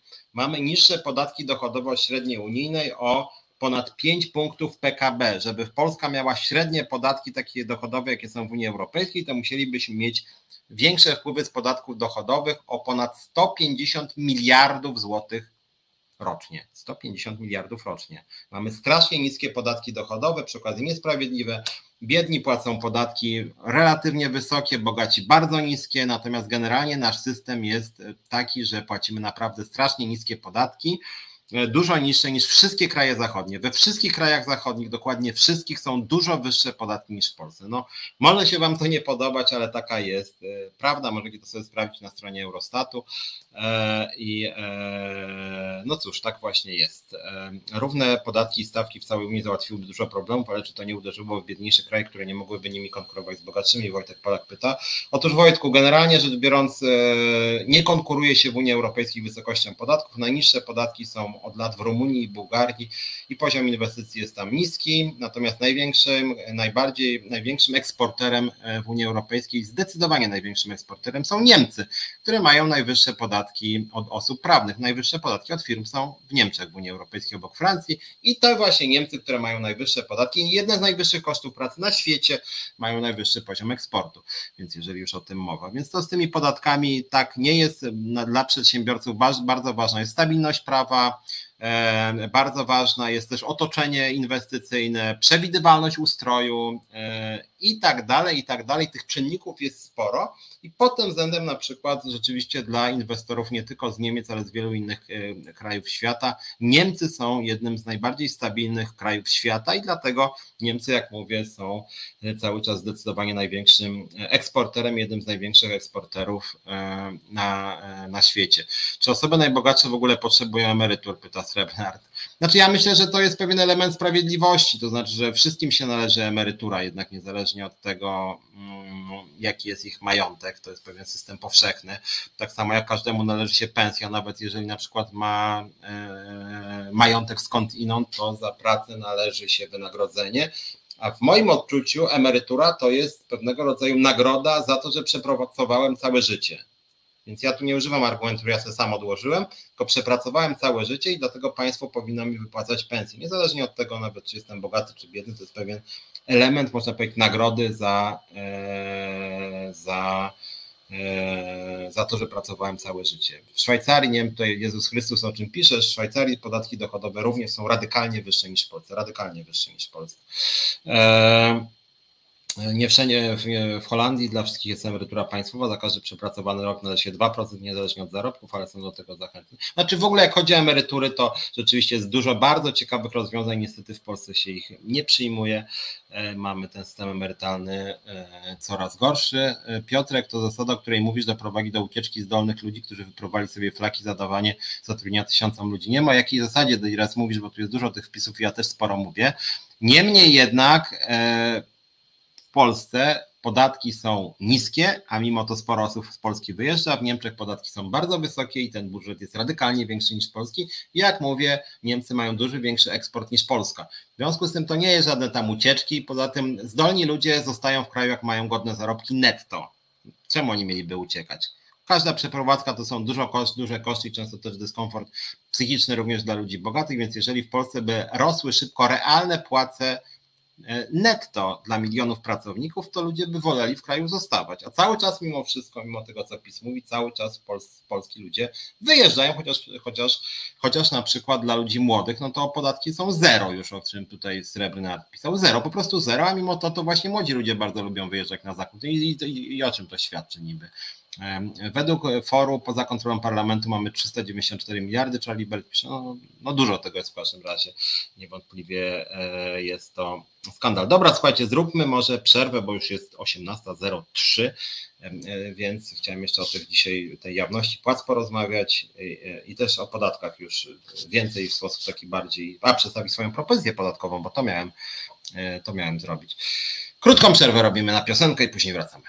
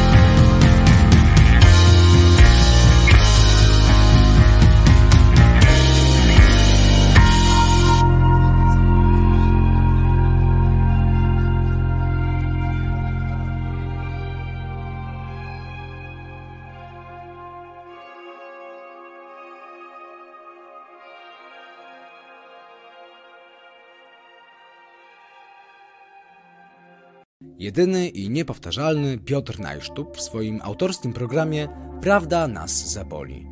Wsłuchajcie się w głosy oficerów prawdy. Kochacie poezję? Tu co tydzień czekają na Was wyszukiwane przez Tomasza Piątka prawiersze.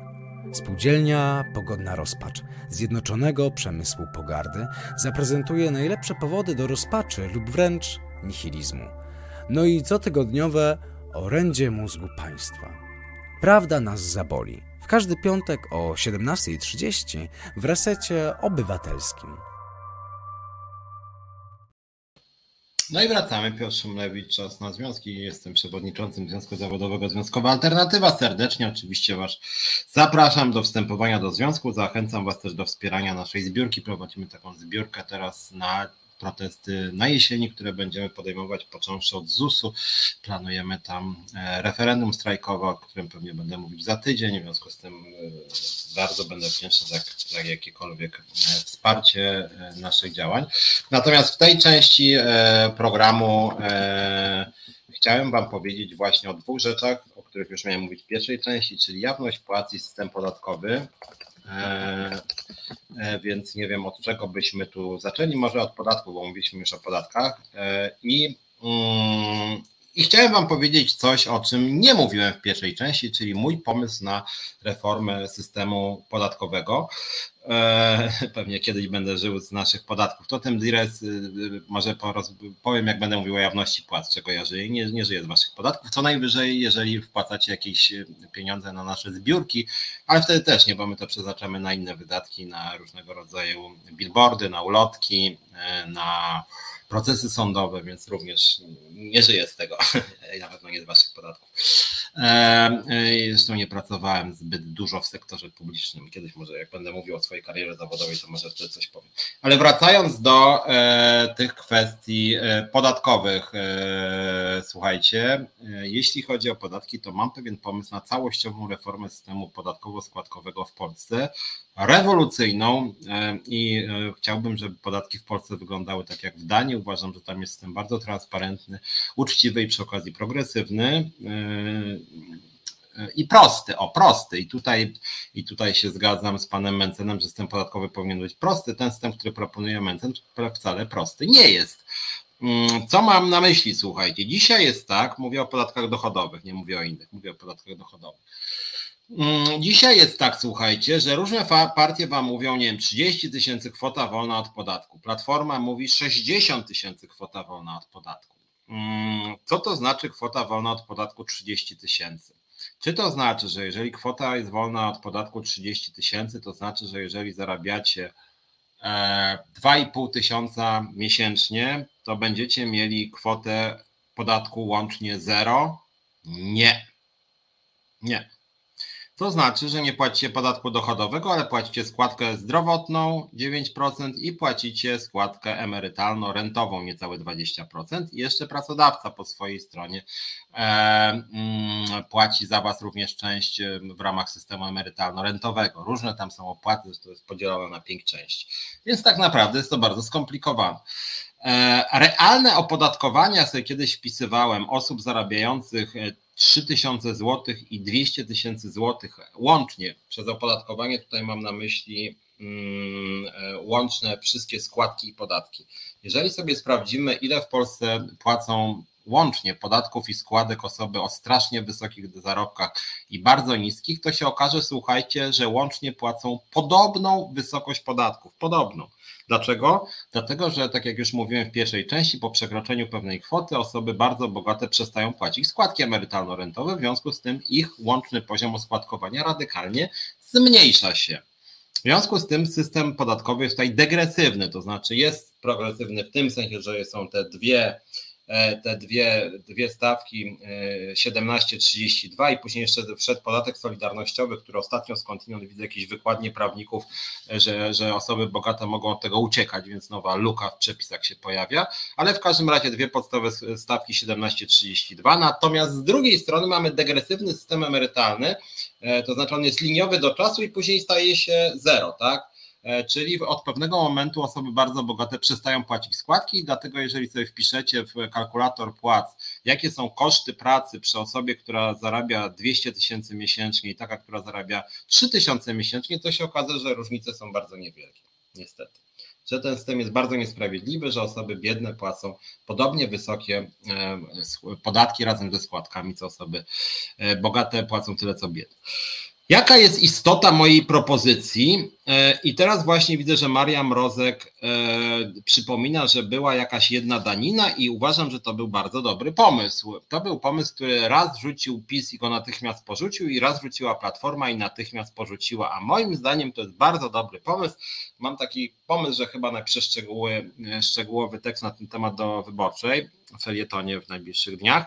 E, ale w każdym razie zarys tego pomysłu, słuchajcie, jest taki jak w Danii. Chodzi o to, żebyśmy wszyscy tak płacili podatki, że wszystkie składki byłyby częścią podatku. Wszystkie. Nie byłoby żadnej składki, która byłaby wyłączona od podatku. Rozumiecie? Czyli jeżeli macie kwotę wolną, to jest kwota wolna od wszystkiego. Jeżeli płacicie 30%, to płacicie 30% i ani grosza więcej. I sobie po prostu liczycie, że jeżeli zarabiacie 5000 zł, to liczycie na przykład 30% razy e, razy 5 tysięcy. Ile to jest te 30%, tak? Istotą rozwiązania duńskiego jest to, że wszystkie składki są częścią podatków. Składki nie są wyodrębnione z systemu podatku dochodowego, ok? Czyli dzisiaj, dzisiaj są i podatki, i składka zdrowotna, którą PiS sobie wyłączył arbitralnie, bo ona wcześniej była częścią podatku dochodowego e, w zdecydowanej większości. I, wy, I wyłączona jest składka emerytalna, i tam jeszcze po stronie pracodawcy kilka innych funduszy jest e, dodatkowo. Natomiast moja propozycja jest taka sama, żeby wszystko, wszystko, łącznie z składkami emerytalno-rentowymi, było częścią podatku dochodowego. E, oczywiście żeby system się kalkulował, to te podatki musiały być znacznie wyższe niż obecnie, dlatego że powtarzam, nie ma wyodrębnionej składki emerytalnej. Dzisiaj średnia, średnie opodatkowanie razem ze składką emerytalną wynosi rzędu 40% również dla osób o relatywnie niskich dochodach. Trochę się to zmniejszyło po tym zwiększeniu kwoty wolnej do 30 tysięcy, ale jest wyłączona składka zdrowotna 9. Suma summarum, e, płaca minimalna e, jest opodatkowana rzędu 30% razem, tak? czyli składka zdrowotna plus te obciążenia e, emerytalno-rentowe. Moja propozycja jest taka, żeby na przykład wprowadzić trzy progi, trzy progi, że na przykład 15, 30 i 50%. 15, 30 i 50, nawet bez kwoty wolnej. Tylko pamiętajcie, dzisiaj nie ma kwoty wolnej. Dzisiaj nie ma kwoty wolnej. Cała, cała pensja wasza jest oskładkowana w ramach umowy na etat, cała pensja jest oskładkowana składką emerytalno-rentową i cała pensja jest oskładkowana składką zdrowotną. Natomiast 30 tysięcy jest wolno od podatku. Natomiast podatek łącznie składa się ze składki emerytalnej, składki emerytalno-rentowej i podatku. Więc moja propozycja jest taka, żeby wszystko było wrzucone w podatki i żeby każdy z Was mógł sobie wyliczyć, ile zapłaci. Więc jeżeli na przykład byłoby tak, że na przykład do 30 tysięcy płacimy 20%, wszystkiego 20%, 20%, to sobie liczymy. Zarabiam 2,5 tysiąca złotych miesięcznie i z tego sobie liczę 20%. No dosyć łatwo wyliczyć. 20% z 2500 to jest 500 zł. W związku z tym ja wiem ile zapłacę, nie, że muszę się głowić, że podatek to jest, ja, ja sam nie rozumiem, muszę powiedzieć czasem jak mi księgowa liczy w związkowej alternatywie, bo tutaj zero podatku, tutaj wchodzę w jakiś podatek, tu jest składka zdrowotna odjęta, tu jest składka emerytalno-rentowa po stronie pracodawcy, po stronie pracownika. W związku z tym, tak jak mówię, znacznym uproszczeniem byłoby stworzenie systemu, kiedy wszystkie składki byłyby częścią podatków Wszystkie. I te po stronie pracownika i pracodawcy i byłoby jasne, jakie są koszty pracy, ile się zarabia i łatwo można byłoby to wyliczyć. Jeżeli pracodawca mówił, słuchaj, e, ja na ciebie wydaję 6 tysięcy złotych. Z tych 6 tysięcy e, państwo chce ode mnie 35%. Bo taki jest limit, że na przykład, nie wiem, 35% razem wychodzi. I wtedy każdy może sobie sam wyliczyć, system jest o wiele prostszy niż dzisiaj. Nie ma żadnego rozbicia na składki, podatki, taką składkę, siaką składkę, taką, tylko generalnie jest jasny system. Ja jestem socjaldemokratą, więc moim zdaniem ten system powinien być e, zdecydowanie progresywny. E, Dires o matko 50% Dires. Wpisz sobie, wpisz sobie Dires w kalkulatorze wynagrodzeń jakie są dzisiaj podatki łącznie, jeżeli zarabiasz 4000 brutto. 4000 brutto. Otóż 4000 brutto dzisiaj e, to jest na rękę, nie pamiętam, około powiedzmy 3000, a pracodawca płaci około 5000. Czyli dzisiaj, no możesz sobie z tego wyliczyć, jeżeli z 5000 jest 3000, e, no to jest 2000 podatku, czyli 40%. Czyli jak mówię, średnio dzisiaj koszty są rzędu 40%. Tak jest, dokładnie. Charlie Bert napisał, zapominasz o kosztach po stronie pracodawcy. Moja propozycja to jest radykalne uproszczenie. Brutto, brutto jest opodatkowane progresywnie, progresywnie, że się płaci od większej kwoty większe pieniądze, nie liniowo, progresywnie. Jestem socjaldemokratą i więcej się zarabia, tym wyższe się płaci składki, ale dzisiaj jest tak, Dires, że generalnie płaca minimalna to łączne dla pracodawcy jest ponad 35%. Tam 30, już nie pamiętam, ale 30 parę, blisko 40. I, i, i moja sugestia jest taka, żeby te 40% stało się na przykład 25%, Żadnego zera tu nie ma, ale jesteśmy uczciwi, tak? Mówimy teraz o łącznym oskładkowaniu, opodatkowaniu. Dzisiaj nie ma żadnego zera, to jest kłamstwo PiSu. Jest rzędu 30 ta minimalna stawka. Więc moja sugestia jest taka, że nawet nieco obniżyć tą stawkę dolną, na przykład do 20%, i na przykład później 40 i 60, ale wszystko jest całkowicie proste. No proste w tym sensie, że jakby jest jeden rodzaj podatku. To jest podatek dochodowy, który obejmuje składkę zdrowotną i składkę emerytalno-rentową i wszystkie inne opłaty i budżet to można powiedzieć dzieli, budżet centralny. I w tym momencie ani pracodawcy, ani pracownika, można powiedzieć, nie obchodzi to.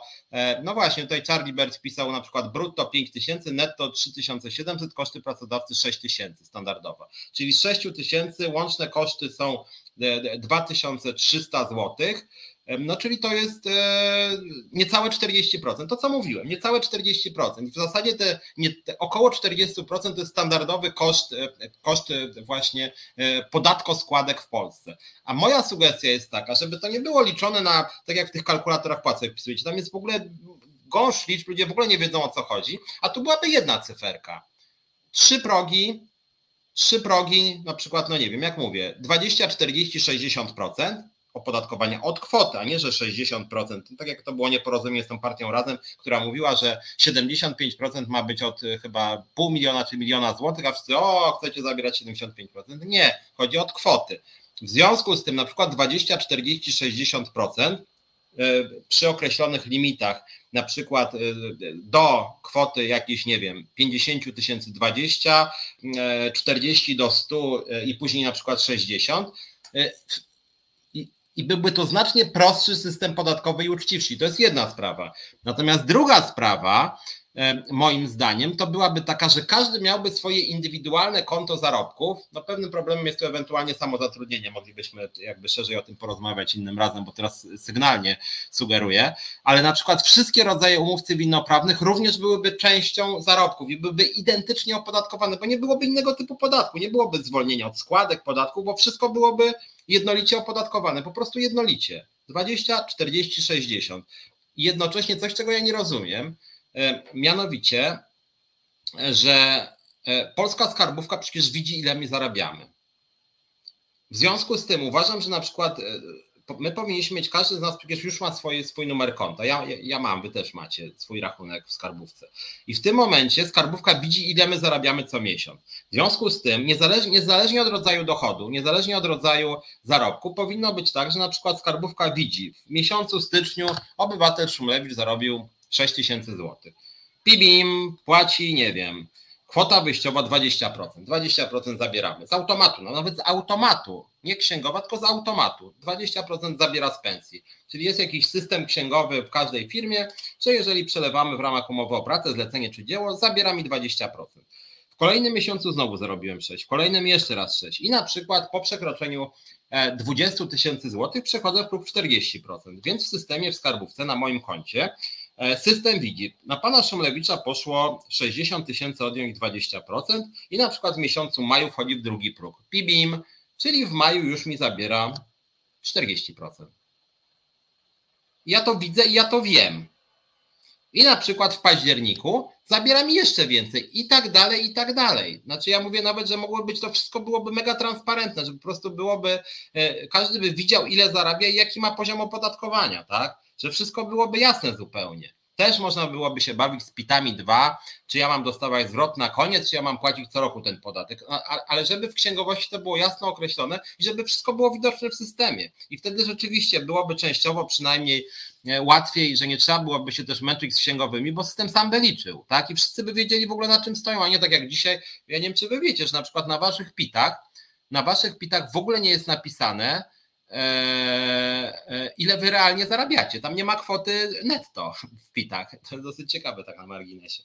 E, czy nie wystarczy 20% od wszystkich bez ulg? Dires 12. No nie. Jakie 20 bez ulg, skoro dzisiaj skoro dzisiaj my płacimy łącznie 40, to to byś o połowę obniżył podatki.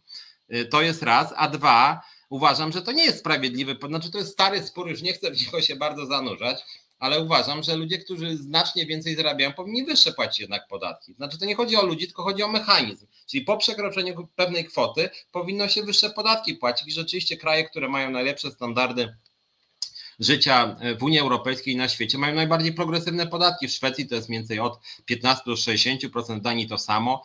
E, e, więc e, natomiast pamiętajmy o tym, że generalnie rzecz biorąc, można powiedzieć, biedni w ogóle są najbardziej stratni, jeszcze w ostatnich latach tym bardziej, dlatego że inflacja jest na przykład znacznie wyższa dla osób biednych, dlatego że ceny żywności i mieszkania rosną znacznie szybciej niż pozostałe, czyli ta inflacja dla biednych jest znacznie bardziej obciążająca niż dla bogatych. Więc warto też, warto też o tym pamiętać. E, no i plus, plus ten system w ogóle dzisiaj nie jest, jak mówiłem, progresywny, bo bogaci nie płacą składek emerytalno-rentowych, ale moim zdaniem właśnie najlepszy jest system duński, który spłaszcza jednak, e, spłaszcza jednak e, nierówności społeczne, jest bardzo silnie progresywny, a przy okazji jest bardzo jasny. Pan Mencen chce jasnego systemu, to byłoby, to byłby bardzo jasny system, bardzo jasny. Umowy o dzieło, umowy zlecenia, umowy o pracę, wszyscy mają dokładnie tak samo, y, takie samo opodatkowanie, ale nie liniowe, takie same na tych samych zasadach, 20, 40, 60% na przykład. Więc warto o tym pomyśleć, o tym, o samej idei, bo idea jest taka, żeby rzeczywiście, którą rzeczywiście Platforma rzuciła e, kilka lat temu i kiedyś PiS chyba nawet rzucił i jedni i drudzy od razu to porzucili. A to jest bardzo ciekawe rozwiązanie, które przy okazji mogłoby być e, znacznym uproszczeniem i byłoby sprawiedliwe, bo dzisiaj słuchajcie jest tak, że na przykład część osób, które mają umowy o dzieło, y, cieszą się, że te umowy nie są oskładkowane, ale oni z czegoś muszą być na starość utrzymywani. I w konsekwencji jest tak, że część umów jest w ogóle prawie nieoskładkowana albo jest mało oskładkowana, i właśnie dlatego umowy na etat są wyżej oskładkowane. Czyli etatowcy płacą za tych, którzy nie płacą składek. To nie jest zdrowy mechanizm. Uważam, że znacznie lepszym rozwiązaniem jest, żeby wszystkie rodzaje umów byli, były jednolicie oskładkowane, a dzięki temu można by trochę obniżyć składki szczególnie dla osób po niskich dochodach i są to moja propozycja, żeby składki się stały częścią podatku, więc taki jest mój pomysł na e, reformę e, systemu e, podatkowego. Tak, wtedy to w tym sensie likwidacja ZUS jako Charlie Belt pisze, likwidacja ZUS, to nie chodziło o likwidację ZUS-u, tylko chodziło o likwidację odrębnej składki emerytalno-rentowej, czyli tak zwana jednolita danina, czyli składki będące częścią podatków. Mi to jest bliska propozycja, takie rozwiązanie jest w Danii. Więc to jest taki zarys mojej, mojej, mojej propozycji reformy systemu podatkowego, natomiast widzę, że już Katarzyna Zaręba-Niedźwiecka pisała o pomyśle z transparentnością, więc chciałem, e, chciałem powiedzieć o tym swoim pomyśle dla odmiany. On jest w pewnym sensie dużo, dużo prostszy. E, bycie za różnym takim pakietem transparentności. My jako Związkowa Alternatywa, ja przygotowałem taki materiał e, odnośnie, odnośnie właśnie jawności, więc pierwsza rzecz, ja jestem za pełną jawnością płac w całej gospodarce, Uważam, że to jest świetne rozwiązanie, bardzo sprawiedliwe, e, e, które zmieniłoby poziom, e, zmieniłoby moim zdaniem polski rynek pracy, który ograniczyłby radykalnie nierówności między osobami na tych samych stanowiskach, który by ograniczył nierówności między płciami, który by sprawił, że e, w sytuacji szczególnie kryzysu e, wyszłoby na jaw, że na przykład często pracodawcy wypłacają sobie dodatkowe premie albo podnoszą sobie pensje, a w tym samym czasie obniżają pensje pracownikom. I to by wzburzyło pracowników i mogłoby rzeczywiście ograniczyć te patologiczne mechanizmy. Jawność płac pozwoliłaby pokazać skalę zatrudnienia nominatów władzy, rodzin władzy mogłaby przyczynić się do odsłonięcia właśnie patologii przecięcia między biznesem i środowiskami władzy. E, więc ja jestem zdecydowanym tutaj zwolennikiem e, jawności płac. Było pytanie, ile ja zarabiam. Ja mówiłem, ile zarabiam. W resecie zarabiam miesięcznie rzędu 600 zł, raz tam 580, raz 630, w zależności od tego, czy jakiś program mi wypadnie, czy nie. W związkowej alternatywie zarabiam od dwóch miesięcy 5200 na rękę. Tam też mówię na rękę. To była decyzja naszych władz centralnych, przyklepana przez, przez nasze walne. E, moja pensja jest w całości finansowana ze składek ludzi, którzy, którzy mnie wybrali. W związku z tym sami ludzie mnie e, oceniają. Jeżeli bym źle wykonywał swoje obowiązki, mogliby pensję mi obniżyć, czy mnie pensji pozbawić. W związku z tym ja jestem, że tak powiem, dzieckiem moich ludzi, oni płacą składki, oni wiedzą, że ja dostaję pensję z tych składek, e, które oni płacą. Składki są w pełni dobrowolne, więc myślę, że to jest w pełni demokratyczna, bardzo uczciwa struktura, więc ja jestem dumny z tego, że E, że jestem finansowany przez moich związkowców. Jestem dumny, że oni chcą płacić składki i, mm, i dzięki nim mogę się utrzymać po prostu. I się chwalę tym, że zarabiam 5200 na rękę. Wcześniej zarabiałem dwa miesiące temu przez miesiące 3,5, najpierw 2000, zarabiam 700 zł na samym początku. Od dwóch miesięcy zarabiam 5200, czyli średnia krajowa. Nasze władze związkowe alternatywy uznały, że lider powinien zarabiać przynajmniej płacę średnią krajową, a średnia krajowa obecnie wynosi mniej więcej 5200 i takie jest moje wynagrodzenie, więc ja nie ukrywam, ile zarabiam. Poza tym czasem zarabiam pisząc teksty dla wyborczej albo dla krytyki politycznej, gdzie zostaje tam mniej więcej 300 zł na rękę za tekst. I dostaję jeszcze czasem pieniądze na przykład za sprzedaż moich książek, typu Ojciec Nieświęty, kilkaset złotych mi czasem jeszcze wpada co kwartał. O, i tak, i tak wyglądają moje zarobki. Natomiast moje zarobki w tym wszystkim nie są takie ważne, dlatego że jak ja mówię o jawności płac, zazwyczaj od razu jest pięć pytań, a ile pan zarabia? Ja oczywiście nie ukrywam tego i odpowiadam, ile zarabiam, ale tu nie chodzi o to, ile ja zarabiam, tylko chodzi o samą zasadę, chodzi o zmianę podejścia do rynku pracy. Chodzi o pokazanie, że rynek pracy jest czymś publicznym, a nie prywatnym, e, że nierówności są czymś patologicznym, że, e, że jak chodzi o nie, nie, że jak chodzi o niewiedzę na temat, na temat wynagrodzeń poszczególnych pracowników, to jest nierówność informacyjna po stronie pracodawcy i pracowników, dlatego że pracodawca wie, ile pracownicy zarabiają, a pracownicy nie wiedzą, ile zarabia pracodawca, i pracownicy często nie wiedzą, ile zarabiają inne osoby z tej samej firmy tej samej branży. I to oczywiście pracodawca bardzo często wykorzystuje i wygrywa na przykład jednych pracowników przeciwko drugim, tudzież sam sobie podnosi pensję, a w tym samym czasie obniża pensję pracownikom albo ich zwanie. Gdyby była jawność płac, to tego typu praktyki e, prowadziłyby no, do dużego wzburzenia i pracodawca miałby większy problem.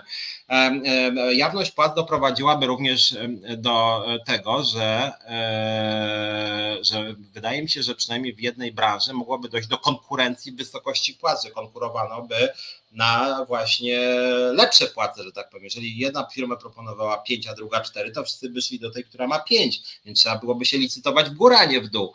Więc to też jest dobry element. Więc ja uważam, że że rzeczywiście jawność płac byłaby czymś dobrym. Tutaj Srebrnar też pisze, że skończyłby się rozbieżności między obietnicami a wypłatami z umowy. To też jest zresztą dobry, dobry pomysł. E, więc, więc moim zdaniem to jest, e, jestem przekonany, że w tym społeczeństwie sprzeciw wobec jawności będzie bardzo liczny, nawet na własną szkodę, pies Strycharski pisze. A tutaj ci powiem Piotrze, że, że e, ja pierwszy raz ten postulat rzuciłem już parę lat temu i wtedy udało mi się nawet wywołać taką presję, że były dwa badania na temat jawności płac, z czego e, jedna była robiona przez dziennik Gazetę Prawną, który akurat sobie szanuję Gazetę Prawną, więc wydaje mi się, że tutaj co do rzetelności nie można mieć zastrzeżeń. I tam wyszło z tego, co pamiętam, musiałbym poszukać, ale że mniej więcej 55% Polaków jest za jawnością, a 30% przeciwko. No i tam reszta nie ma zdania. W związku z tym generalnie zdecydowana większość e, byłaby, była wtedy przynajmniej za jawnością płac pełną. Rzędu no powiedzmy dwa do jednego, że tak powiem, czy troszkę mniej. Ale większość jednak wyraźnie przeważała opcja jestem za jawnością płac, więc to dosyć ciekawe. Warto tak na marginesie pamiętać, kogo dzisiaj jawność płac nie dotyczy. Dlatego, że jakbyście się przyjrzeli, jak to dzisiaj wygląda, no to przecież jest tak, że o, w gruncie rzeczy o zarobkach większości Polaków i Polek my wiemy. Ja wiem. Znaczy ja nie tylko dlatego, że jestem związkowcem, ale łatwo to znaleźć. E, takie firmy jak Poczta Polska, 3 czwarte zarabia płacę minimalną. Jak chodzi o pracowników socjalnych, jak chodzi o nauczycieli, gdzie są w ogóle te zaszeregowania, ile na poszczególnym, z jakim stażem, e, czy nauczyciel tam mianowany, prawda, czy inny, e, to są w ogóle stawki podane, więc wiemy, ile nauczyciele zarabiają. Wiemy, ile zarabiają właściwie cała budżetówka. Wiemy, ile zarabiają pracownicy samorządów. Wiemy, ile zarabiają pracownicy ochrony, prawie wszędzie płacę minimalną. Wiemy, ile się zarabia w gastronomii, prawie wszędzie płacę minimalną, plus tam jakieś napiwki ewentualnie. W związku z tym, generalnie, jak chodzi o poziom wynagrodzeń 70-75% osób, to wiadomo, wiadomo.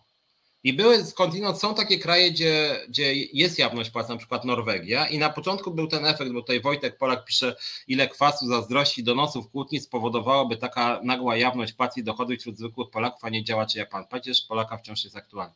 Wojtku, a czy to nie jest właśnie tak, że brak jawności prowadzi do kwasu, zazdrości, donosów? Właśnie jak byłoby jawnie, to chyba byłoby mniej tej zazdrości i donosów. No bo niektórzy mówią, że jawność płac by doprowadziła do tego, że na przykład bogaci ludzie mogliby czuć się zagrożeni i by na nich ktoś napadał. Ja sobie myślę, zaraz, jak to? To znaczy, że no na przykład chyba wszyscy wiemy, że Kuba Wojewódzki jest bogaty, on nie musi ujawniać swoich dochodów. Wszyscy wiemy, że właściciele dużych firm są bogaci. Czy to znaczy, że na nich wszyscy napadają? No to są jakieś takie strachy na lachy trochę. Więc wydaje mi się, że to nie jest dobry argument jednak, bo mam właśnie wrażenie, że niewiedza rodzi e, zazdrości, kwasy. To, że na przykład e, w Zakładzie Ubezpieczeń Społecznych, że w urzędach wojewódzkich, w urzędach samorządowych, na tych samych stanowiskach ludzie radykalnie mają różne pensje. To jest w ogóle niezgodne z prawem, niezgodne z kodeksem pracy. To to dopiero rodzi kwasy. Czy nawet podejrzenie, że coś takiego miejsca rodzi kwasy.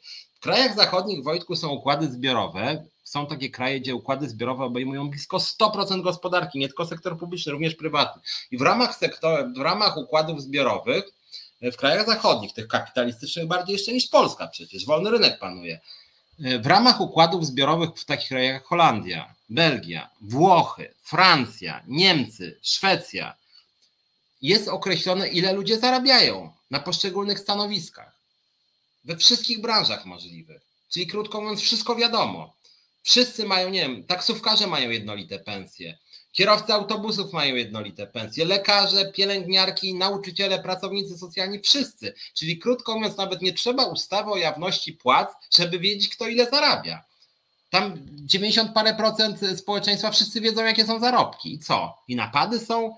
Kadra kierownicza, która w układzie zbiorowym ma 20 tysięcy euro, wszyscy na nich napadają i są donosy, zazdrości i kłótnie? Kłótnie to są wtedy, kiedy są niesprawiedliwe płacy, kiedy na tym samym stanowisku, z tym samym stażem pracy, na przykład są radykalnie rozbieżne pensje. A to jest rozwiązanie po prostu bezprawne. Więc gdyby to wyszło na jaw, to wtedy bym na przykład ja jako związkowiec zadał pytanie. Przepraszam bardzo, pani prezes na przykład ZUS-u. Dlaczego pani w Kaliszu płaci na tym samym stanowisku osobie z, z tym samym stażem pracy 6 tysięcy, a w Katowicach 3800? I to byłoby zasadne pytanie, i to była prosta droga sądowa, bo to jest po prostu dyskryminacja. Więc, więc wydaje mi się, że akurat to jest argument, żeby wprowadzić jawność płac. Więc ja tutaj uważam, że, e, że, że, że nie ma się czego bać i właśnie te donosy, kłótnie, zazdrości rodzi w których nie ma jawności. I właśnie, I właśnie pracodawcy bardzo często grają, nakierowując jednych, e, jednych pracowników na drugich, a polskie państwo nawet nie pracowników, jedne branże na drugie, że polskie państwo, jak wiecie, od wielu lat prowadzi taką strategię, już za PO i teraz PiS od 8 lat, mianowicie, że nie ma waloryzacji płac, tylko jest podnoszenie funduszu płac i do dyspozycji kierowników poszczególnych placówek. Czyli jeżeli pan e, kierownik placówki skarbówki w Lublinie będzie chciał dać koleżance 1000 zł podwyżki, a, mm, a osobie, której nie lubi 200, to tak zrobi. E, e, w Opolu jedno dostanie 800 podwyżki, drugi 200. A w ogóle to jeszcze będzie arbitralny podział między na przykład pracowników skarbówki, policji albo nie wiem, wojska czy, czy ZUS-u i wtedy będą podziały, że ci dostaną 12, a ci dostaną 7.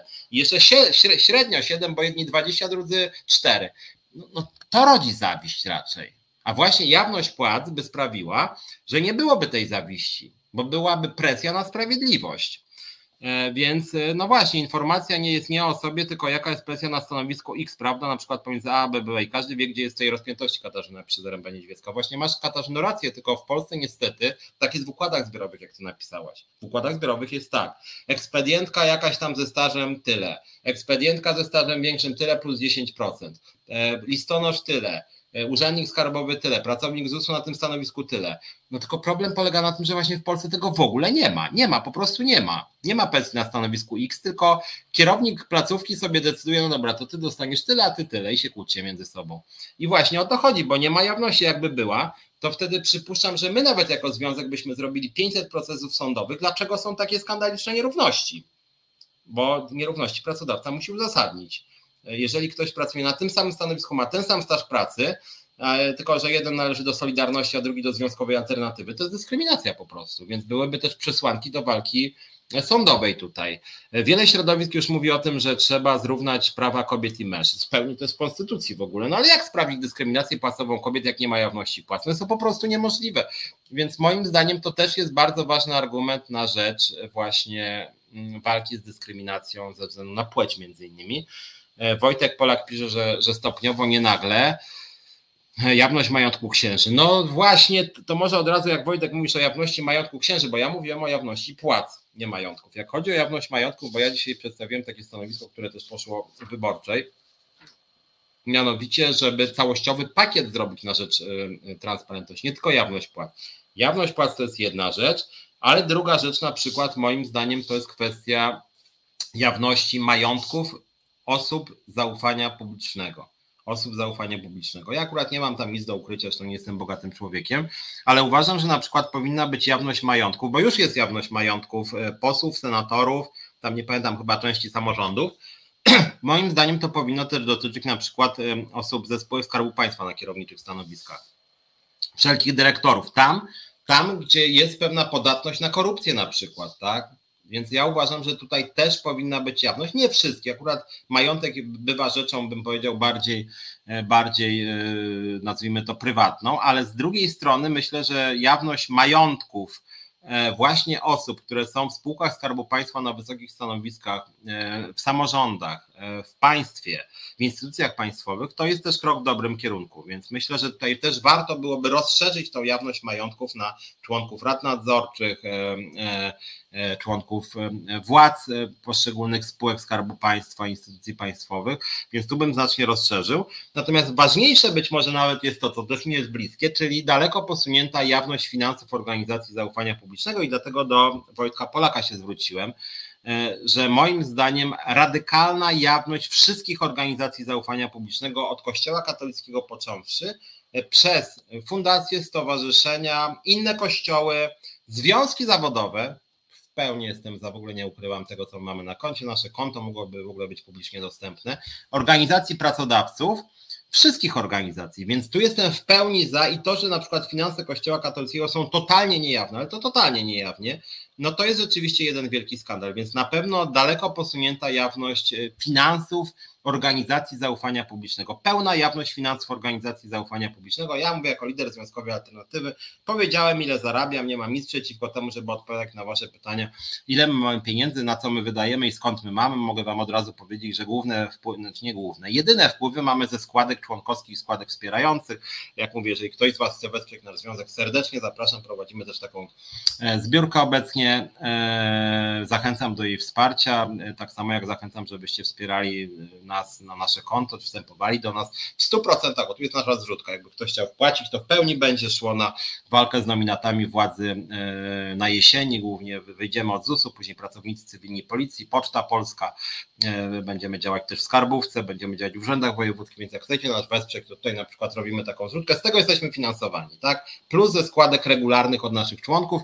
Natomiast jak chodzi o wydatki, to jest siedziba, to jest moja pensja, to są wydatki na prawnika, to jest e, wydatki na różnego rodzaju opłaty związane z siedzibą, w tym na przykład internet, e, rzadka podróże, e, pensje trzech pracowników, trzy, mamy trzech pracowników na pół etatu, 2,5 tysiąca na rękę, 2,5 na rękę na pół etatu zarabiają Mm, no i to jest 99% naszych wydatków. Wpływy, tak jak powiedziałem, w 100% ze składek członkowskich, składek, członkowskich, składek wspierających nie mamy ani grosza od państwa, samorządu czy od pracodawców jakichkolwiek. Więc to daje przykład, jak można byłoby o tym nawet mówić w przestrzeni publicznej, jak chodzi o kościoły, jak chodzi o stowarzyszenia, fundacje. I muszę Wam powiedzieć, że byłem bardzo zniesmaczony, jak Hołownia zaczął kręcić że on tam partii to jeszcze nie może rozliczyć i on się finansuje przez fundację, a fundacja to nie musi podawać skąd ma pieniądze.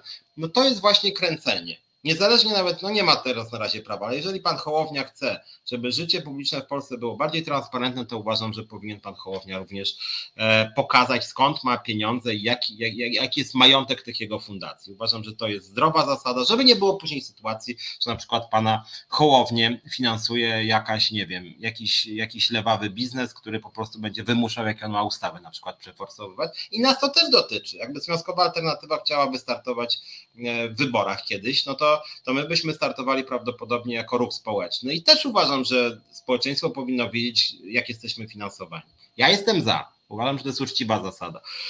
Kolejna sprawa, bo nie mamy już za dużo czasu, a ten pakiet, ten pakiet jest mój dosyć, że tak powiem, szeroki, więc tylko jeszcze kilka rzeczy. Jestem też zwolennikiem konkursów, jawnych konkursów na wszystkie ważne stanowiska, więc jak państwowych samorządach i spółkach Skarbu Państwa jawnych konkursach i przede wszystkim konkursach z wysokimi wymaganiami jakościowymi, bardzo określonymi, publicznie dostępnymi, publicznie weryfikowalnymi. Krótko mówiąc, koniec Januszy Kowalskich na jakichkolwiek stanowiskach państwowych i samorządowych. Koniec. Matoły nie powinny zajmować jakichkolwiek stanowisk, powinny być jasne kryteria jakościowe i nie może być tak, że władza sobie montuje kogo chce. W związku z tym, jak mówię, jawne konkursy, i wysokie wymagania jakościowe. I bardzo ważna rzecz również, jak chodzi o konkursy. Tutaj mam na myśli konkursy grantowe. Przede wszystkim jest taka zasada double blind na zachodzie, to znaczy w niej chodzi o to, że jakby strony nawzajem o sobie nie wiedzą w punkcie wyjścia. Czyli jakby ja nie, nie wiem, przez kogo jestem oceniany, i ten ktoś nie wie, kogo ocenia. I to jest bardzo dobra zasada, dlatego że w Polsce, nie wiem czy wiecie, jest tak, że jak ktoś już raz dostanie grant, to pomijając to, że PiS daje tylko swoim ludziom, ale jeżeli ktoś raz dostanie grant, to później już dostaje regularnie. Bardzo trudno wejść w ten system. Więc jeśli by została wprowadzona to zasada double blind, że komisja, która ocenia granty, nie wie kogo ocenia, nie wie, jest po prostu numer identyfikatora i nie wie, czy to jest fundacja taka, śmaka czy owaka, to wtedy by uzdrowiło sytuację, czyli ta procedura double blind i właśnie takie neutralne procedury konkursowe, również do powszechnego wglądu, to jest również moim zdaniem bardzo, bardzo dobry pomysł. I moim zdaniem te rzeczy, o których teraz mówię, powinny być te, tak na poziomie państwa, jak i na poziomie samorządu. Wszędzie, dokładnie wszędzie, gdzie jest państwo, wszędzie, gdzie jest samorząd, wszędzie, gdzie jest jakikolwiek rodzaj władzy. E, I jak się możecie spodziewać, tych moich, naszych propozycji związkowej alternatywy nie lubi nikt. Nie lubi Lewica, nie lubi Koalicja Obywatelska, wiadomo, nienawidzi PiS, nie lubi Hołownia. Tego nie lubi nikt, dlatego że niestety jest w Polsce jako oczywista przyjęta zasada, że montujemy swoich kolesi. Jeżeli by wprowadzić ten pakiet, o którym ja mówię, taki pakiet na rzecz transparentności, to nie można byłoby po prostu sobie montować tych wszystkich e, kolesi. Po prostu. Tutaj dobrze było poznać na przykład ze sprawozdań finansować różnych instytucji pozycje takie jak Fundusz Reprezentacyjny i podobne, Tomasz Indralewicz pisze. Tak na marginesie, częścią tego, co ja mówię, e, e, jak chodzi właśnie o te sprawozdania finansowe, na przykład mnie bulwersuje to, że spółki Skarbu Państwa, spółki Skarbu Państwa wydają sobie na lewo i prawo 50 tysięcy na przykład na jakieś tam, nie wiem, zaprzyjaźnione podmioty w trybie pozakonkursowym. Co to w ogóle ma być? Że na przykład rozdają jakimś organizacjom kościelnym Orlen. No przecież to jest w ogóle marnowanie, to przecież są spółki Skarbu Państwa z pakietem y, kontrolnym państwa. I teraz ten PiS robi to idiotyczne referendum, czy tam jesteś za wyprzedażą e, e, majątku publicznego, no ale de facto ten majątek już jest wyprzedany. Jeżeli on jest sprywatyzowany przez PiS i taki Orlen może rozdawać jakiś, nie wiem, jakiś ksiądz dostanie na jakąś tam swoje zabawy 50 tysięcy, jakaś prawicowa, jakiś Bąkiewicz dostanie 100 tysięcy, no to co to w ogóle ma być? Tutaj powinno być wszystko transparentnie, konkursy powinny mieć jasne zasady, jeżeli już w ogóle jest wątpliwe, czy spółki Skarbu Państwa powinny w ogóle, nie wiem, rozdawać jakieś pieniądze, no przecież one nie temu służą w ogóle, to w ogóle powinny być jakaś inne przepisy, które by nie pozwalały, jakby nie od tego są spółki Skarbu Państwa, żeby rozdawać kasę jakimś, jakimś prawicowym czy lewicowym organizacjom pozarządowym, więc to jest dla mnie jakiś skandal.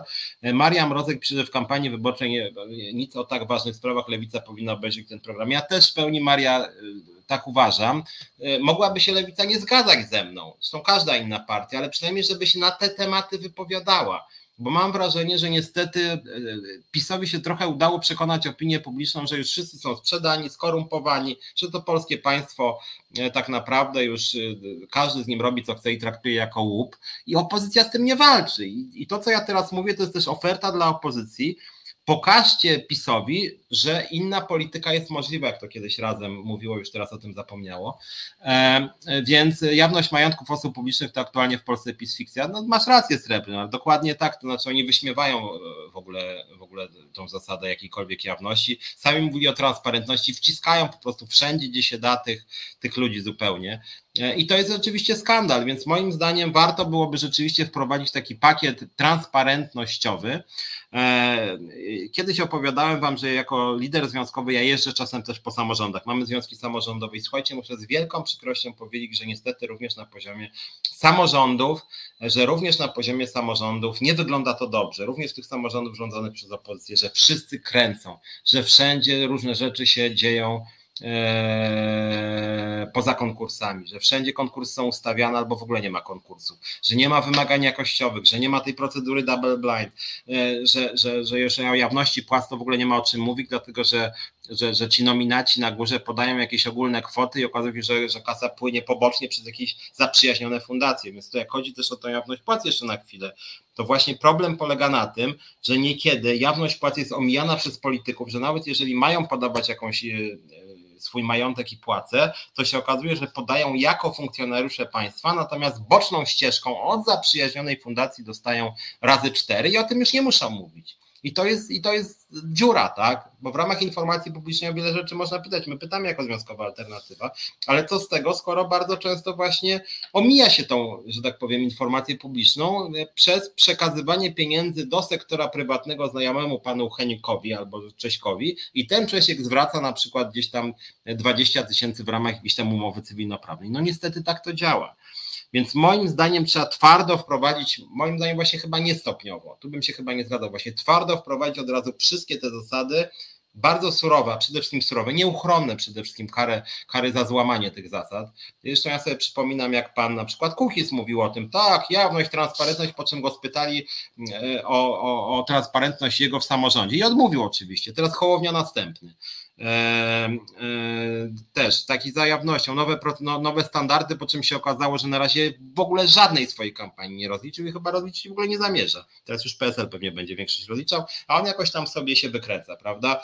E, też tutaj Charlie Bell pisze, że Obajtek zarobił 10 milionów, w tym samym czasie kupił nieruchomości za 20 milionów. No właśnie, no tego typu rzeczy, no pachnie przekrętem na kilometr, tak? Że ludzie na przykład wydają 10 razy pieniędzy z tego, co mają. No przecież bez brania kredytu tak się nie zdarza. Znaczy to jest jakby no trudno tak zrobić, że tak powiem. Gdzieś tutaj musi być jakieś źródło kasy dodatkowe. I niestety na to jest w Polsce przyzwolenie i na to przyzwalają praktycznie wszystkie największe partie. I tu jest moim zdaniem bardzo duży problem. Tylko obawiam się rzeczywiście, yy, obawiam się rzeczywiście, że tak jak Tomasz Szyndelewicz po wygranych wyborach e, trudno będzie spokojnie wytłumaczyć ludziom, że tarzanie się w smole pierzu to jednak nie. To właśnie ja się obawiam, że obawiam się tego, że nawet jeżeli opozycja wygra wybory, to patologii będzie troszkę mniej, że będzie troszkę mniej, ale będzie cały czas mnóstwo patologii, bo ta nowa władza powie, aha, no w sumie tak już ludzie się oswoili z tymi patologiami, przekrętami, korupcją, nepotyzmem, brakiem transparentności, że jak trochę wciśniemy tam tych swoich ludzi, trochę okradniemy to państwo, to nic strasznego się nie stanie. I tak będziemy robić to na mniejszą skalę niż PiS. I pewnie będzie to prawda, będą robić na mniejszą skalę niż PiS, ale boję się, że zostanie takie przyzwolenie na rozkradanie państwa i to jest rzecz, dla mnie bardzo smutna i naganna, że nie ma w Polsce partii, która by na serio podchodziła do transparentności, do jawności. I tutaj my, jako Związkowa Alternatywa, rzeczywiście z taką agendą wychodzimy. Jestem zdecydowanym zwolennikiem transparentności. Niech któraś partia powie, OK, stracimy mnóstwo stołków, ale transparentność jest ważniejsza. I tego żadna partia nie mówi, bo jednak stołki muszą mieć i obawiam się, że w każdej partii już jest armia ludzi, która się pcha na szefa lotu, na szefa Orlenu, na szefa tam E, nie, nie wiem, Poczty Polskiej, prawda, KGHM-u, nie? I tak się pchają do tych rad nadzorczych, do tych, do tych e, zarządów, już są kolejki się ustawiają, już telefony tam, Tusk mówi, nie mam teraz czasu, dzwońcie do Kierwińskiego, nie? Tam, e, no, Czarzasty jest megalomanem, Czarzasty osobiście powie, no dobra, to co, kogo tam, żonę chcesz? No dobra, żonę się da, ale musisz coś tam dać na przykład. Kosiniak Hołownia i wszyscy tak robią, niestety. Moim zdaniem wszyscy tak robią i tak będą robić, póki nie będzie powszechnych procedur. Póki nie będzie procedur, które będą przed tym chronić, procedur jasnych, z jasnymi sankcjami karnymi. Bo to jest tak samo z Kościołem. To nie jest tak, że Kościół jest to swoją instytucją złą. Kościół po prostu ma zielone światło, ponieważ żadne prawo nie nakłada na niego obowiązku sprawozdawczości. Kościół jest państwem w państwie ustawowo. Państwo mu pozwala na te wszystkie przekręty. Nie nazywa ich przekrętami po prostu, się na to zgadza.